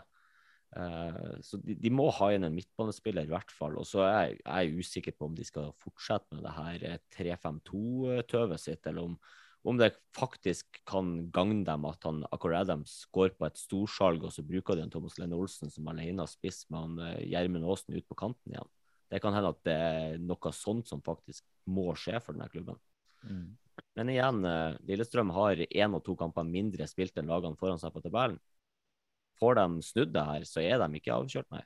Da må vi innom Tromsø, da. Men vi trenger egentlig ikke gå så veldig mye i dybden på de, for vi skal jo spille inn episode med Gaute Helstrup i morgen. Men hvor imponert er dere over de gutta? Vi kan jo starte med deg da, Mimir. Nei, sjukt imponert over. Jeg har en av uh, kompisene jeg pleier å se fotball. Jeg ser litt mye Tromsø-kamper for min egen smak, for å si det sånn. For det er en sånn kompis som eh, er Tromsø-fan, som vi ser fotball med. Så ender opp at jeg må av og til se noen eh, kamper med han òg. Men det var jo når, vi, når, sesongen begynte og han kom der for å se første runde, og sånn, det var jo bare helt sorgen. og det, Alle de gode spillerne var borte. og Det var ikke noe liksom, optimisme å spore i det hele tatt. Da. Så at de har klart det der, er jo en sinnssyk bragd. Eh, de var uheldige som røyk ut av cupen mot Glimt òg, for å gni inn det en gang til. da. Og så er jo alle fra Stavanger, selv om han er på lån fra oss, da, bare så utrolig glade for at uh, Super-Mai skårer mål. Fordi at uh, Mai Traoré har jo den merkelige superkraften ved seg at overalt hvor han reiser, så blir han godt likt uansett hva han gjør. så folk i Stavanger er jo bare veldig, veldig, veldig fornøyde med at han endelig har litt uh, tur. Uh, og slår litt gjennom, da, kan man kanskje si, på et vis. Så veldig fint at det var han som avgjorde den eh, kampen, altså. Og han har skåret flere mål enn ja, spisser som f.eks. vet om Berisha hittil i år, bare for å nevne en tilfeldig. Eh, da må jeg si at uh, Hedenstad, keeperen til Lillestrøm, han skåra mer i fjor enn det Berisha gjorde, har gjort i år. Men uh, hvorfor lykkes Tromsø, Robin? Nei, Det er Gaute Helsrup. Det er altså For en jobb han har uh, gjort. altså Mimir er innpå det. altså Tromsø-fansen sjøl før den sesongen her var sånn Off, grått og kjedelig lag, hvordan skal det her gå? Og så har han bare uh, funnet en formel. Han gjør det som uh, de beste trenerne sier de alltid. Starte med det defensive, få det på plass. Og så har du sett at det, ja, de skrapa sammen noen eh, seire i begynnelsen, men eh, jo mer og mer, selv om det har vært ettmålsseire nå, så har du sett at det, det, blir bedre og bedre, mer offensivt, mer underholdende å se på. Du ser det spillet de, eh, de setter sammen med kombinasjoner inne sentralt der, få touch det går på. Nei, det er altså Helstrup for en vanvittig jobb, og for et lag med stor L han har greid å, å få fram inntil den kampen her nå. Fem endringer gjør han på laget. Gjør ingenting, det. De ser fortsatt like solide ut. De gjør den samme jobben. Uh, og, og, det defensive uh, fundamentet som man har lagt der og krydra nå etter hvert, nei. Formelag nummer én uh, i Eliteserien de siste matchene òg, med er det ikke seks strake seire nå? Ja, det er ikke oversikten på, men jo det, Eller fem strake, vel? De hadde hvert fall fem, fem strake. Mm. Ja, og kan sette rekord, så jeg, over den beste starten eh, eh, som de har hatt på mange årene. Nei, for man, og han trylla med Tromsdalen før han eh, tok over Tromsø etter hvert òg, og innom den andre steder òg. Men altså, nei, for en trener når du skal ha han eh, på podkast i morgen, så får dere får hylle ham altså, for det, den eh, jobben der. Det, det, er enormt det han har gjort med det mannskapet der. Skal prøve å få han til Rosenborg i løpet av morgendagen. Men uh, vi går videre til Glimt mot Molde, og som Kjetil Knutsen sa Men, men Jonas, Jonas, det spørs om vi kan hylle han Gaute i morgen. Han har jo fått ny agent i dag. Ja, det stemmer. Det tar vi i morgen. uh, vi går over til Glimt mot uh, Molde, for som Kjetil Knutsen sa, vi fikk en gavepakke tidlig da Karlstrøm fikk rødt kort, men hva i all verden er det som skjer, Frank? Hvor naiv går det an å bli? Tenkte du på det røde kortet, eller tenkte du på det at uh, Glimt uh, ikke gidder å forsvare seg etter det røde kortet kommer? Ja, det siste, ja. Ja, det er jo eh, forsvarsspill til stryk fra midtstopperne til Glimt i to situasjoner som førte til at Molde leda kampen 2-0 plutselig ved å spille med én mann mindre. Eh, Brede Mo ser ut som en breddefotballspiller, eh, og Brynildsen herja med han. Så ja, det er naivt. Litt omstilling. Eh, egentlig så blir ikke Glimt så veldig mye bedre på det, den plassen før han Bjørtuft kommer inn i andre omgang etter ca. en time. Glimt jo, møtte jo veggen når de spilte mot Godset sist, og de gjør det, gjør det, egentlig ikke nå. For Molde forsvarer jo seg egentlig ikke så veldig bra i boks som man kanskje får inntrykk av. For Faris Pemi er jo et beist inni der, og, og, han mister jo på den ene sjansen etter den andre. og, og Brunstad fet bomme fra to meter der. og uh, Men Molde har jo hatt mye stang ut i sesongen, så de fortjener Nei, de gjør egentlig ikke det, men uh, de har jo i hvert fall litt medvind nå, da. Frykter du Molde i kampen om medalje, Mimir? Jeg, altså, jeg har gått og sett meg over skulderen etter Molde helt siden denne sesongen starta. For jeg tenkte at ja, ja, Eh, når Brann var oppe på sølvplass, og når Tromsø har vært der, så jeg tenkte sånn, ja, Viking, Brann, Tromsø, kanskje Lillestrøm før da, har jeg tenkt de skal konkurrere om den bronsen. Og så kommer Molde før eller siden. Dårlige resultater i starten av sesongen, men er så mye kvalitet i det laget. Det kommer før eller siden. Men hver gang de har en sånn eh, litt sånn positiv greie, så går de på et nytt tap plutselig. Altså det, der, eh, det, det, blir aldri den der seks strake seire som Tromsø er oppe i situasjonen for Molde. Og eh, det begynner liksom å bli litt eh, mange lag foran de på tabellen som ikke er så dårlige heller. Så jeg tror ikke nødvendigvis Molde skal være så jævla sikre. Og de har jo mislykkes totalt med Veton for å dra opp det en gang til. Men, men, det er jo klart at når du kjøper en spiller for 40 millioner kroner, det kan det, og han ikke skårer et mål, så sitter du jo eh, Det er gøy. Du, det er veldig ja, gøy. Ja, du sitter jo i, litt i saksa. Og, og det er jo et spørsmål hva det er med han. fordi at han det lykkes jo bare i korte perioder i Viking, og da vil han vekk fra Viking med en gang. og Da mislykkes han igjen.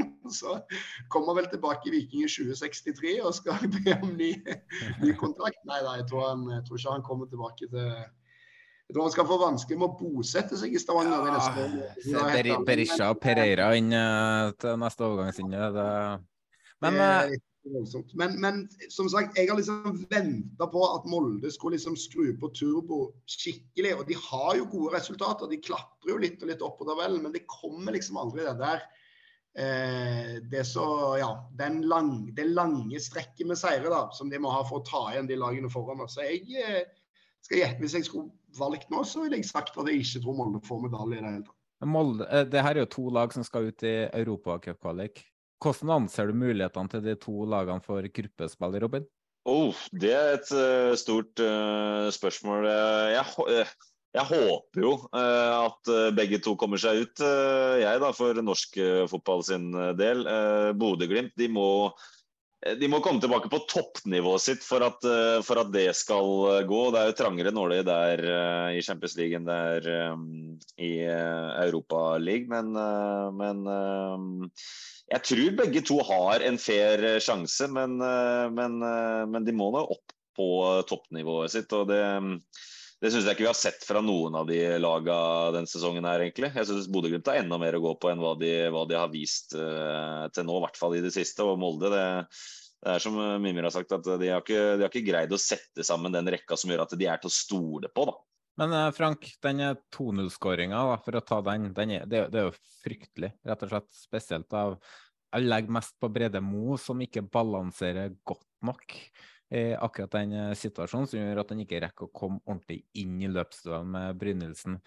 Jeg, jeg, jeg, legger begge målene på Brede Mo. Brede Mo blir lura i Brynildsen sin bevegelse på første ja. målet. Men, for, men for, å ta, for, for, å ta, de, da. Er ikke, er ikke bra at de tar det nå, og lærer av det inn mot kvalifiseringa til Europa? At de ikke har fått det for lett i uh, Eliteserien? Altså det jo, Skal du få en smell, så er det bedre at den kommer før europakvaliken starter, enn at den kommer midt i det, selvfølgelig.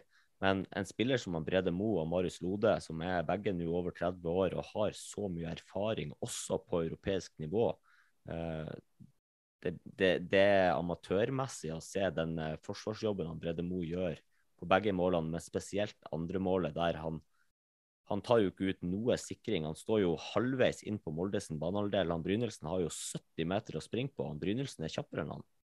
Så er det jo eh, gledelig for Glimt-fansen at uh, Ulrik Saltnes har to kamper på rad. Eh, sendt de videre i cupen og berga poeng på overtid. Så, men vi, eh, tida flyr fort her, så vi må hoppe videre vi, til, egentlig tilbake til Vålerenga Viking. For vi må nesten ta for oss Viking litt i, i den kampen, Mimir. For det var jo en kamp du satt og så på med høy puls og raske briller. Hva er dine tanker om eh, det guttene dine leverte? Nei, det er jo eh, Det er litt klabb og babb med Viking i alle kampene til Viking, egentlig. Altså Poenget er at i den perioden så har Viking, altså i den kampen, særlig etter når andre omgang starter, så har Viking en god periode der de har litt kontroll. og De fører kampen kanskje litt fra start. Men i lange perioder er det jo Vålerenga som fører den kampen. Og Det som er rart med Viking i år, det er at ingenting med Viking ser stabilt ut, bortsett fra poengfangsten. sånn at hver eneste kamp ser jævla ustabil ut. De har flere kamper som avgjøres helt mot slutten, sånn som nå òg. Ja, alle, eh, alle kampene til Viking er åpne, føler jeg. Og, og, det og, det er en fordel for Viking. Ja, det er det. Og det, det var jo det Frank som har skrevet det. Jeg skulle sjekke, jeg skulle sitere en, én random Bodø-Glimt-fyr fra Twitter, men det viste seg jo å være Frank. da, Men han, som han sa at i den kampen mot Brann at det ble jo bare sånn Hawaii-fotball. Hvis du spiller sånn Hawaii-fotball mot Viking, så vinner Viking. og det er jo egentlig det som har skjedd i kamp etter kamp. Så et eller annet er det jo Viking gjør. Altså om de har de havner jo nesten alltid under. Det gjorde de jo ikke mot Vålerenga for en gangs men de, de kommer tilbake fra uavgjort til seier til slutt òg. Og de klarer som regel å snu kampene. Så de er lite påskrudd fra start ofte. De spiller veldig med høy risiko. Sluppet inn masse mål. Det er jo et nedrykkslag nesten, hvis du ser bare på mål de har sluppet inn. Sånn at de de er på en måte ikke noe til å stole på, det vikinglaget. Men det merkelige er at poengfangsten er til å stole på. Ja, altså, men... går, de får resultatene, da. Så jeg klarer ikke helt å skjønne det. Hvorfor det er sånn, det, som, men hva det er for en mentalitet i laget eller sånn. Da. Og så har jo tidligere denne sesongen en periode så var det mange vikingfans som mente at Slatko Tripic var for gammel. Det gikk til og med sånn majestetsfornærmende rykter i Stavanger om at han burde være benka og sånn. Men det har jo slått helt feil. Nå er jo han plutselig formspiller nummer én på Viking og toppskårer. Skårer på straffer, da, riktignok mye. Men òg i denne kampen har han en bra assist, og han var gjerne god mot Brann òg. Så og vi har to spisser som kanskje ikke har skåret så mye, men som begge to lager veldig mye trøbbel for motstandernes lag. Kanskje mange gode spillere, da, egentlig. Sander Svendsen, også Birker Bjarnason har av og til noen involveringer i kampene som er ganske ja, tyder på det nivået han har hatt. da. Så jeg vet ikke helt hva det er med Viking, men jeg, jeg er ganske optimistisk. Men jeg, når jeg ser en Vikingkamp, så føler jeg meg aldri trygg på utfallet før uh, fløyta har gått. Så må vi litt innom det når vi har det her. For uh, Stensnes er jo ut mest sannsynlig resten av sesongen. Uh, og um, det er mye som tyder på at en Brekalo forsvinner i sommer. Det er rart hvis ikke. Og han signerte jo en ny kontrakt sånn at Viking skulle få penger for den uh, når han da blir solgt. Uh, og som det jo Selv om de har litt stoppekrise akkurat nå, så må det jo Du skylder jo faktisk å si ja hvis det kommer inn et bud, etter min mening. Og det tror jeg Vikingfans er ganske enig i. Kan ikke det påvirke veldig mye for Vikings en del? For det er jo litt sånn at selv om Viking har slitt defensivt i enkeltkamper, så har Brekalo vært ordentlig god. Ja, Brekalo i mine øyne er, er det overraskende at ennå spiller i Eliteserien. Han syns jeg holder et høyere nivå eh, enn det man Alle. skal ha. Ja, Alle, rett og. Eller det, det ut, Utvik i Sarpsborg har kanskje på vært på nivå i år, men uh, ja. Ja. Men han er veldig veldig god, og, og det er overraskende at vi har fått beholde han så lenge. og Jeg tror du har helt rett i at avtalemann at han må få gå. og Hvis ikke Viking lar han få gå, så hvem skal du da hva slags framtidige folk skal du da få lov til å signere fra utlandet? Liksom, hvem går med på å dra til en sånn klubb som nekter å selge de videre?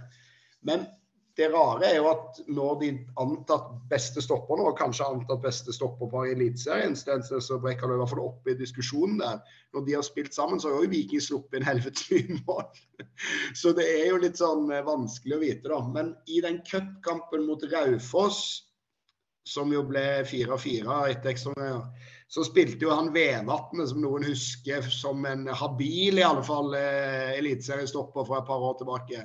Og Han framsto ikke så veldig, dessverre, som en habil eliteseriestopper lenger i den kampen mot Raufoss. Så nå syns jeg Diop endelig begynner å se litt mindre sånn eh, eh, Se litt mer hjemme ut, da. Eh, og han har jo noen kvaliteter som har vært tydelige hele tida. Så Diop kan nok være én del av en sånn duo, men Viking må signere en midtstopper, ja.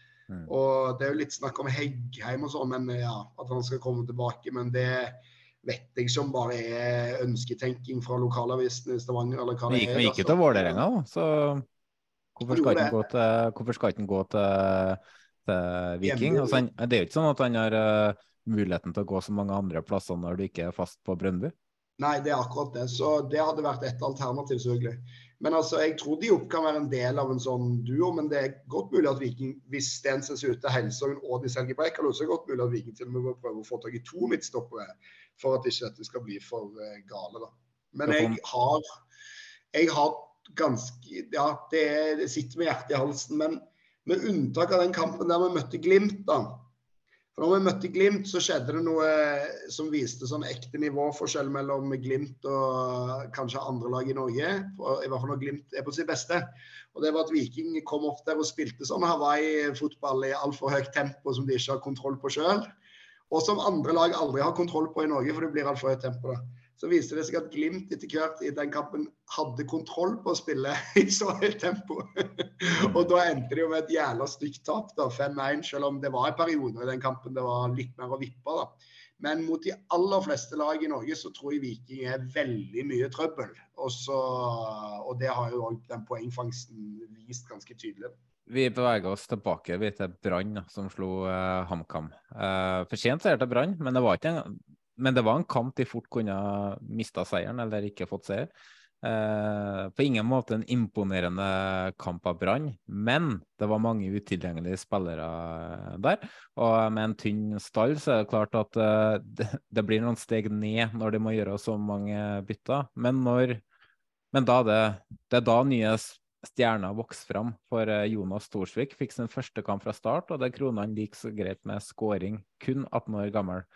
Eh, tanker om Brann, Robin?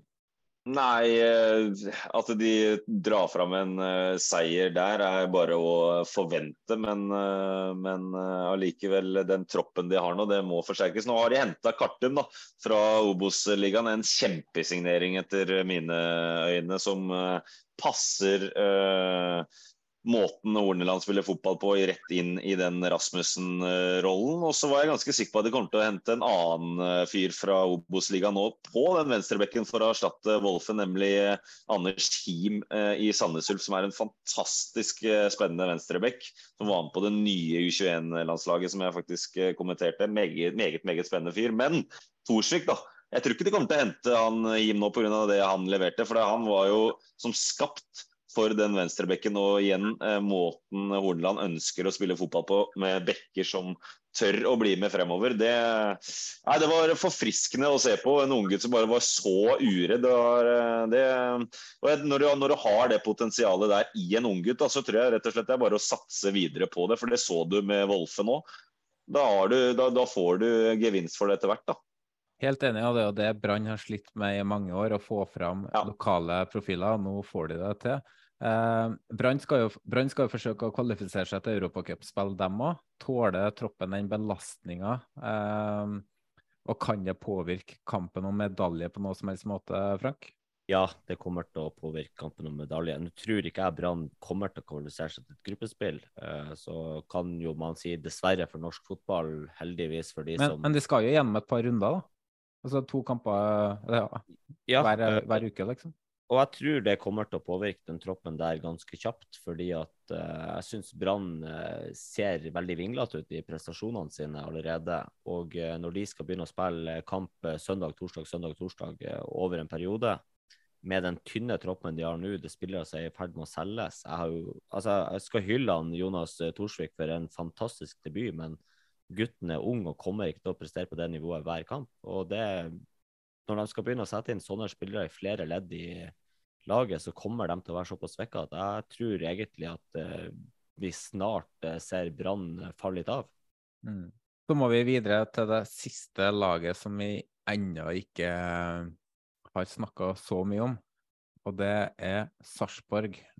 og hvor skal vi begynne han? Eh, 6-1 nå, 3-0 på Lerkendal. Eh, de starta sesongen med egentlig å være litt som Odd, da. Det var få mål begge veier. Litt stikk motsatt av det man kunne spå før sesongen med Billborn som trener. Men nå har det virkelig begynt å få fart på um, angrep, angrepene, og, og Oppsett har begynt å skåre mål. Vi hadde jo en Sarpsborg-gjest der sist uke som etterlyste at han må jo få spille mer. og nå har han jo virkelig ja, svart på tiltale. Frank, hva, hva vil du si om Sarpsborg og det de holder på med nå? Nå er, akkurat nå er jeg bare mektig imponert. Nå ser de ut som, i hvert fall offensivt, eh, et uh, veldig farlig lag for, uh, for, egentlig alle å møte. Og så har de jo hatt den defensive soliditeten hele veien. Uh, og han, Mats som var gjest hos oss sist uke, sier at det eneste Sarpsborg trenger nå, er å få en spiss på plass. Det er bare å begynne å bruke han oppsett, han leverer jo.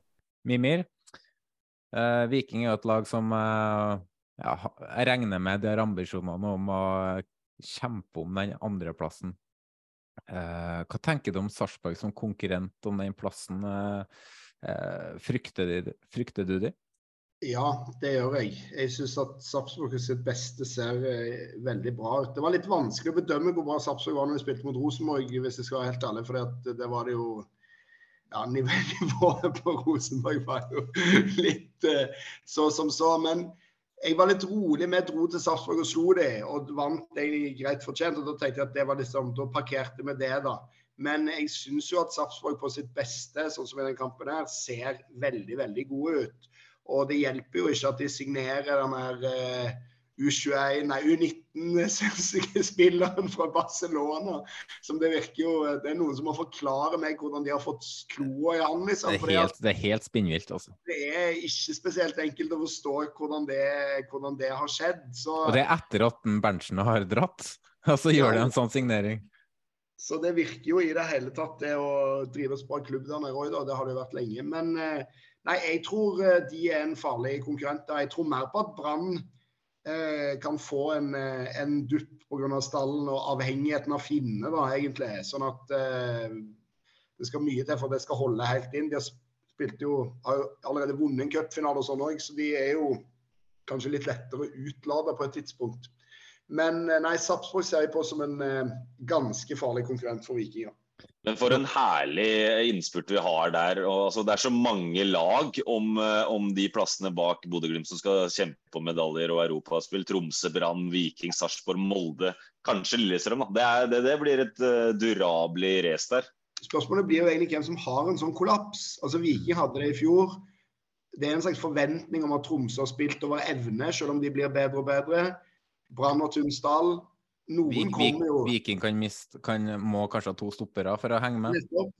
Så no, noen kommer jo til å slite, mens Molde trenger jo det motsatte. Og kanskje Lillestrøm òg. En god periode, liksom. Ja, jeg, vil slå et, jeg vil slå et slag for Molde der, egentlig, fordi at, uh, fordi at Viking som sagt, må, Eller jeg håper jo ikke, da. Men uh, Viking må miste kanskje to stoppere. Eller uh, de må kanskje ha to stoppere. Lillestrøm mister fort av Kore Adams. og Brann med tynne stallen sin. Uh, og så, uh, men så er det Sarpsborg selvfølgelig som, uh, som, ser sterk ut og ikke hørt noe om noen spillere som er på vei ut. Men så har du Molde som, som kanskje selger Brynildsen, kanskje gjør det at Berisha blir enda bedre. Og de kommer til å bruke mye penger i sommer, tror jeg, da, på å hente inn mer offensiv slagkraft. Så jeg tror Molde kan melde seg inn i den kampen om andreplassen. Men Berisha, Berisha blir bedre. Det skal ikke noe til å bli bedre enn null mål. Nei, det, det, det er godt. Han kan skåre sjølmål, da. Men uh, ja. Når jeg sier ja til å stille på denne podkasten i en tung tid for partiet Rødt, så forventer jeg ikke at det skulle ende med at det skulle komme en spådom om at Molde skulle bli mye bedre. og vet at de ikke skulle begynne å komme og skåre masse. Nå de sagt nei til å komme. altså det pisser også, jeg også det av en trønder, det er jo helt sykt. Men, men det vi gjør i podkasten her, vi jinxer. Vi jinxer det som kan jinxes. Så Rosenborg rykker ned. Eh, da har vi egentlig gått gjennom alle lagene. Dette har jeg planlagt 60 minutter på, egentlig hele episoden, og vi holdt på i 1 time og 40. Så det her er fantastisk planlagt, Jonas. Snorre, jeg savner deg. Eh, vi er ennå ikke ferdig, for vi må gå over til rundens pluss. Mimir, har du en eh, pluss i runden her? Ja, det er jo vikingrelatert, men det er jo at Niklas Sandberg skårer mål. Altså, han har jo slitt var, det var en signering veldig mange hadde store forventninger til når han kom fra Haugesund til Viking. Og han er jo vikinggutt òg. Og han er en jævlig herlig type. Men så har han slitt noe forferdelig og hatt egentlig jævla dårlig sjøltillit og det ene med det andre. Men nå skåret han to mot Raufoss i cupen, og så skåret han i siste sekund her, selv om han hadde bare et kort innhopp. Så hvis han kan melde seg på litt for alvor og være den spilleren han var i Haugesund, som jo var ettertrakta, eh, og som Viking fikk, så er jo det en klar forsterking. Så, og så unner jeg han det, da. Rett og slett. Robin? Jeg går for uh, Torsvik. Jeg også. Debut på Brann stadion der. Og den kanonen som han leverte. Vi har ikke snakka om skåringa, for den var fantastisk. Den der han bare banka til med feil bein attpåtil òg. Så nei, han får den, altså. Frank? Eh, jeg skal til Brann stadion, men jeg skal til den liggende headetaklinga til han uh, Sexy Larsen. Det er, det er så oppofring så nydelig å se på. Bill Jones. Ja, det er på min pluss. Jeg har samme som Mimir, ja. For uh, jeg vil ikke kalle det rundens pluss, men ukas pluss. Og den vil jeg òg gi til Niklas Sandberg. Han kom inn mot Raufoss, skåret to mål før han bomma på straffe i straffekonken, hvor Viking ryker ut. Mot Vålerenga kommer han inn, skaffer seg frispark som resulterte i rødt kort til Oldrup Jensen, tar frisparket sjøl og skårer og blir matchvinner. Uh, da må jeg få takke Jan Godfrey for tips, og han er en fast lytter av alle podkaster som finnes. Og hvis jeg var hans arbeidsgiver, så ville jeg virkelig sjekke ut hvor produktiv han er på jobb. Vi går over til rundens minus, og vi eh, begynner med deg, Mimir.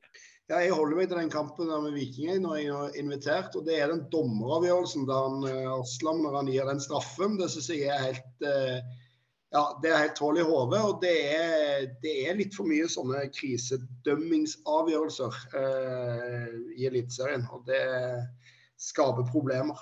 Uh, Robin? Det var en grunn til at jeg slo opp oppgitt ut med armene der. for Jeg, jeg tenkte akkurat det samme sjøl. Det, det, er den avgjørelsen der. Det, da blir det 30 straffespark i én match. Så for meg så er det ukens eh, minus, altså. Frank? Ukens eh, minus går til vekterselskapet Heimdal og klubben Bodø-Glimt. For å ta den tilbake til da Glimt skåra 3-2-målet mot Tromsø i cupen så er det jo da fire supportere som eh, ramla over rekkverket i jubelrusen og hoppa inn på banen og jubla i lag med spillerne. Eh, til kampen mot Molde så har eh, Vekterselskapet og Glimt valgt å fjerne vakta som har stått fast foran feltet vårt i mange år nå. En eh, vakt som har stor, stor respekt fra ultrasen i Bodø, og som går an å snakke med. Og erstatta han med fem vektere og fire politifolk som står og passer på supporterfeltet vårt. Men den ultrasen i Bodø er så berykta. Ja. Men dette er stor minus til håndteringa av eh, klubben min og eh, vekterselskapet Heimdal. Ja, eh, jeg var litt usikker på minus, for det, vi kan jo ta hele uka, og jeg har lyst til å gi den til Altså, ikke til Saggi i cupkampen mellom Glimt og, og um, Tromsø, men til Linjemann, som ikke engang klarer å ha en midtstrek som hjelpemiddel når han skal vinke offside. Altså, jeg er så lei å snakke om norske dommere. Jeg, jeg, jeg, ja, la, la, oss snakke om norske linjemenn i stedet. Ja, ja vi går over jeg, kan, jeg kan gi det til Snorre, som rundens minus, som nok en gang uteblir fra en episode. I tre uker på rad, har han sagt. Men neste gang, da Altså, han er jo podkastverdens svar på meg som Rosenborg-supporter. Neste år, vet du, bare pass dere, Glimt. Uh, jeg tenker meg om, så kan jeg egentlig dele den minusen med Snorre. Men uh, Frank, rundens lag og stjerner, kan jo ta oss gjennom de. Ja, i mål eh, Petterson på Molde. Uh, Petersen. Peterson. Peterson. Eh, Vikne, Gundersen, Leifsson og Torsvik i forsvarsrekka. Eh, Bonsuba, Oppsal, Torp og Njay på midtbanen. Og som spisser Oppsett og Brynildsen. Oppsett for tre stjerner, Brynildsen for to stjerner og Torp for ei stjerne. På benken har vi Grytebust, Soltvedt, Psyché, Barmen, Lundqvist, Christensen og Traoré. Ingen vikingspillere, Mimir? Ja, nei, det, er greit. Det, det, det, får gå for denne gang, altså. Det er greit nok. Måtte vært Tripic i så fall, men uh, Viking har spilt mye bedre kamper enn dette. Og det er ikke egentlig noe sånn veldig uh, Ja, hvis du skulle hatt en, eh, et innhopp på, på seks minutter, holdt jeg på å si, så kunne du fått med Sandberg. Men eh, det er vel omtrent, eh, omtrent det, tror jeg. Vi hadde en tripitch på benken helt, til Stabæk-kampen. Da kom en inn og skvise han ut. Um, og så, før vi runder av, så må vi gå over på tre kjappe. Da stiller jeg tre spørsmål, og så svarer dere kjapt. Vi kan starte med deg, Mimir. Hvem er neste treneren som får sparken? Eh, det er treneren til HamKam. Kjøper Viking ny stopper i sommer? Ja. Hvor mange norske lag kvalifiserer seg til gruppespill i Europa denne sommeren? Eh, null. Uh. Eh, Robin, kommer Rosenborg topp åtte? Nei. Blir det Europa League eller bedre på Molde? Europa League. Hvem blir toppskårer? Da kan jeg bare ta toppskårer. Pellegrino. Pellar 12, Finnar 11, Adams 10. Ja, det er Pellegrino, det. Det er Pellegrino, det. Frank, kommer det en ny stopper til Rosenborg i sommer? Ja. Ender Lillestrøm opp med en positiv målforskjell i år? De har nå 18-17. Ja. Spiller Brynildsen i Molde etter sommeren? Nei. Der har jo laga uh, eh, tre til Snorre, men, han, men han er ikke her. Uh, vi kan gi, den, gi de til Mimir. vi. Hvem skårer flest mål for Rosenborg i 2023? Ole Sæter eller Noah Holm? Eh, Ole Sæter. Blir Kasper Høeg solgt fra Stabæk etter sesongen? Den har vi vært inne på. Ja. Eller eh, etter sesongen, ikke ja, ta i, ja, Det er vel egentlig avgjort. Uh, breaking news fra Frank her. Uh, kommer det en ny trener til Vålerenga i løpet av juli? Ja, det tror jeg. Såpass må de få til det var egentlig det vi hadde, men jeg kan ta med at vi skal spille inn en episode i morgen som vi slipper på torsdag, tror jeg. Eh, det blir en Tromsø spesial hvor vi får besøk av Gaute Helstrup og Karina Olseth Hovda. Eh, der skal vi rett og slett ha en times prat med Gaute og Karina om eh, Tromsø i år, og, selvfølgelig om Gaute. Og så skal jeg, Snorre, Frank og Karina etter hvert snakke om neste runde, eliteserierunde. Så da må vi få benytte anledninga til å takke de faste, og det er jo Jesper Horten Skjærnes og Vestfold Lydstudio for Jingla. jingler. Vi må takke Iver Steinsvik for utstyr og Jan Erik Balto for design, merch og så videre. Robin, takk for at du kunne stille som gjest hos oss, og håper du har hatt det ålreit. Så definitivt. Kommer gjerne tilbake en strålende podkast. Mimir, det ble mer enn 60 minutter, men uh, tusen takk skal du ha.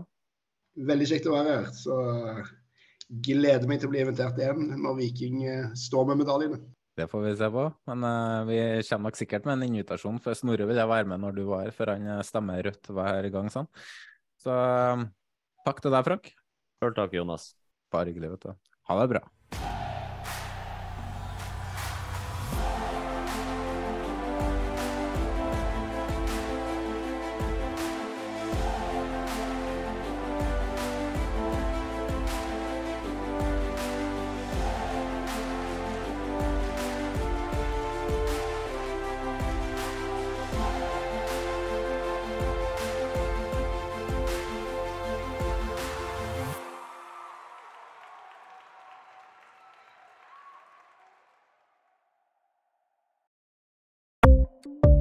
Ukens annonsør er HelloFresh.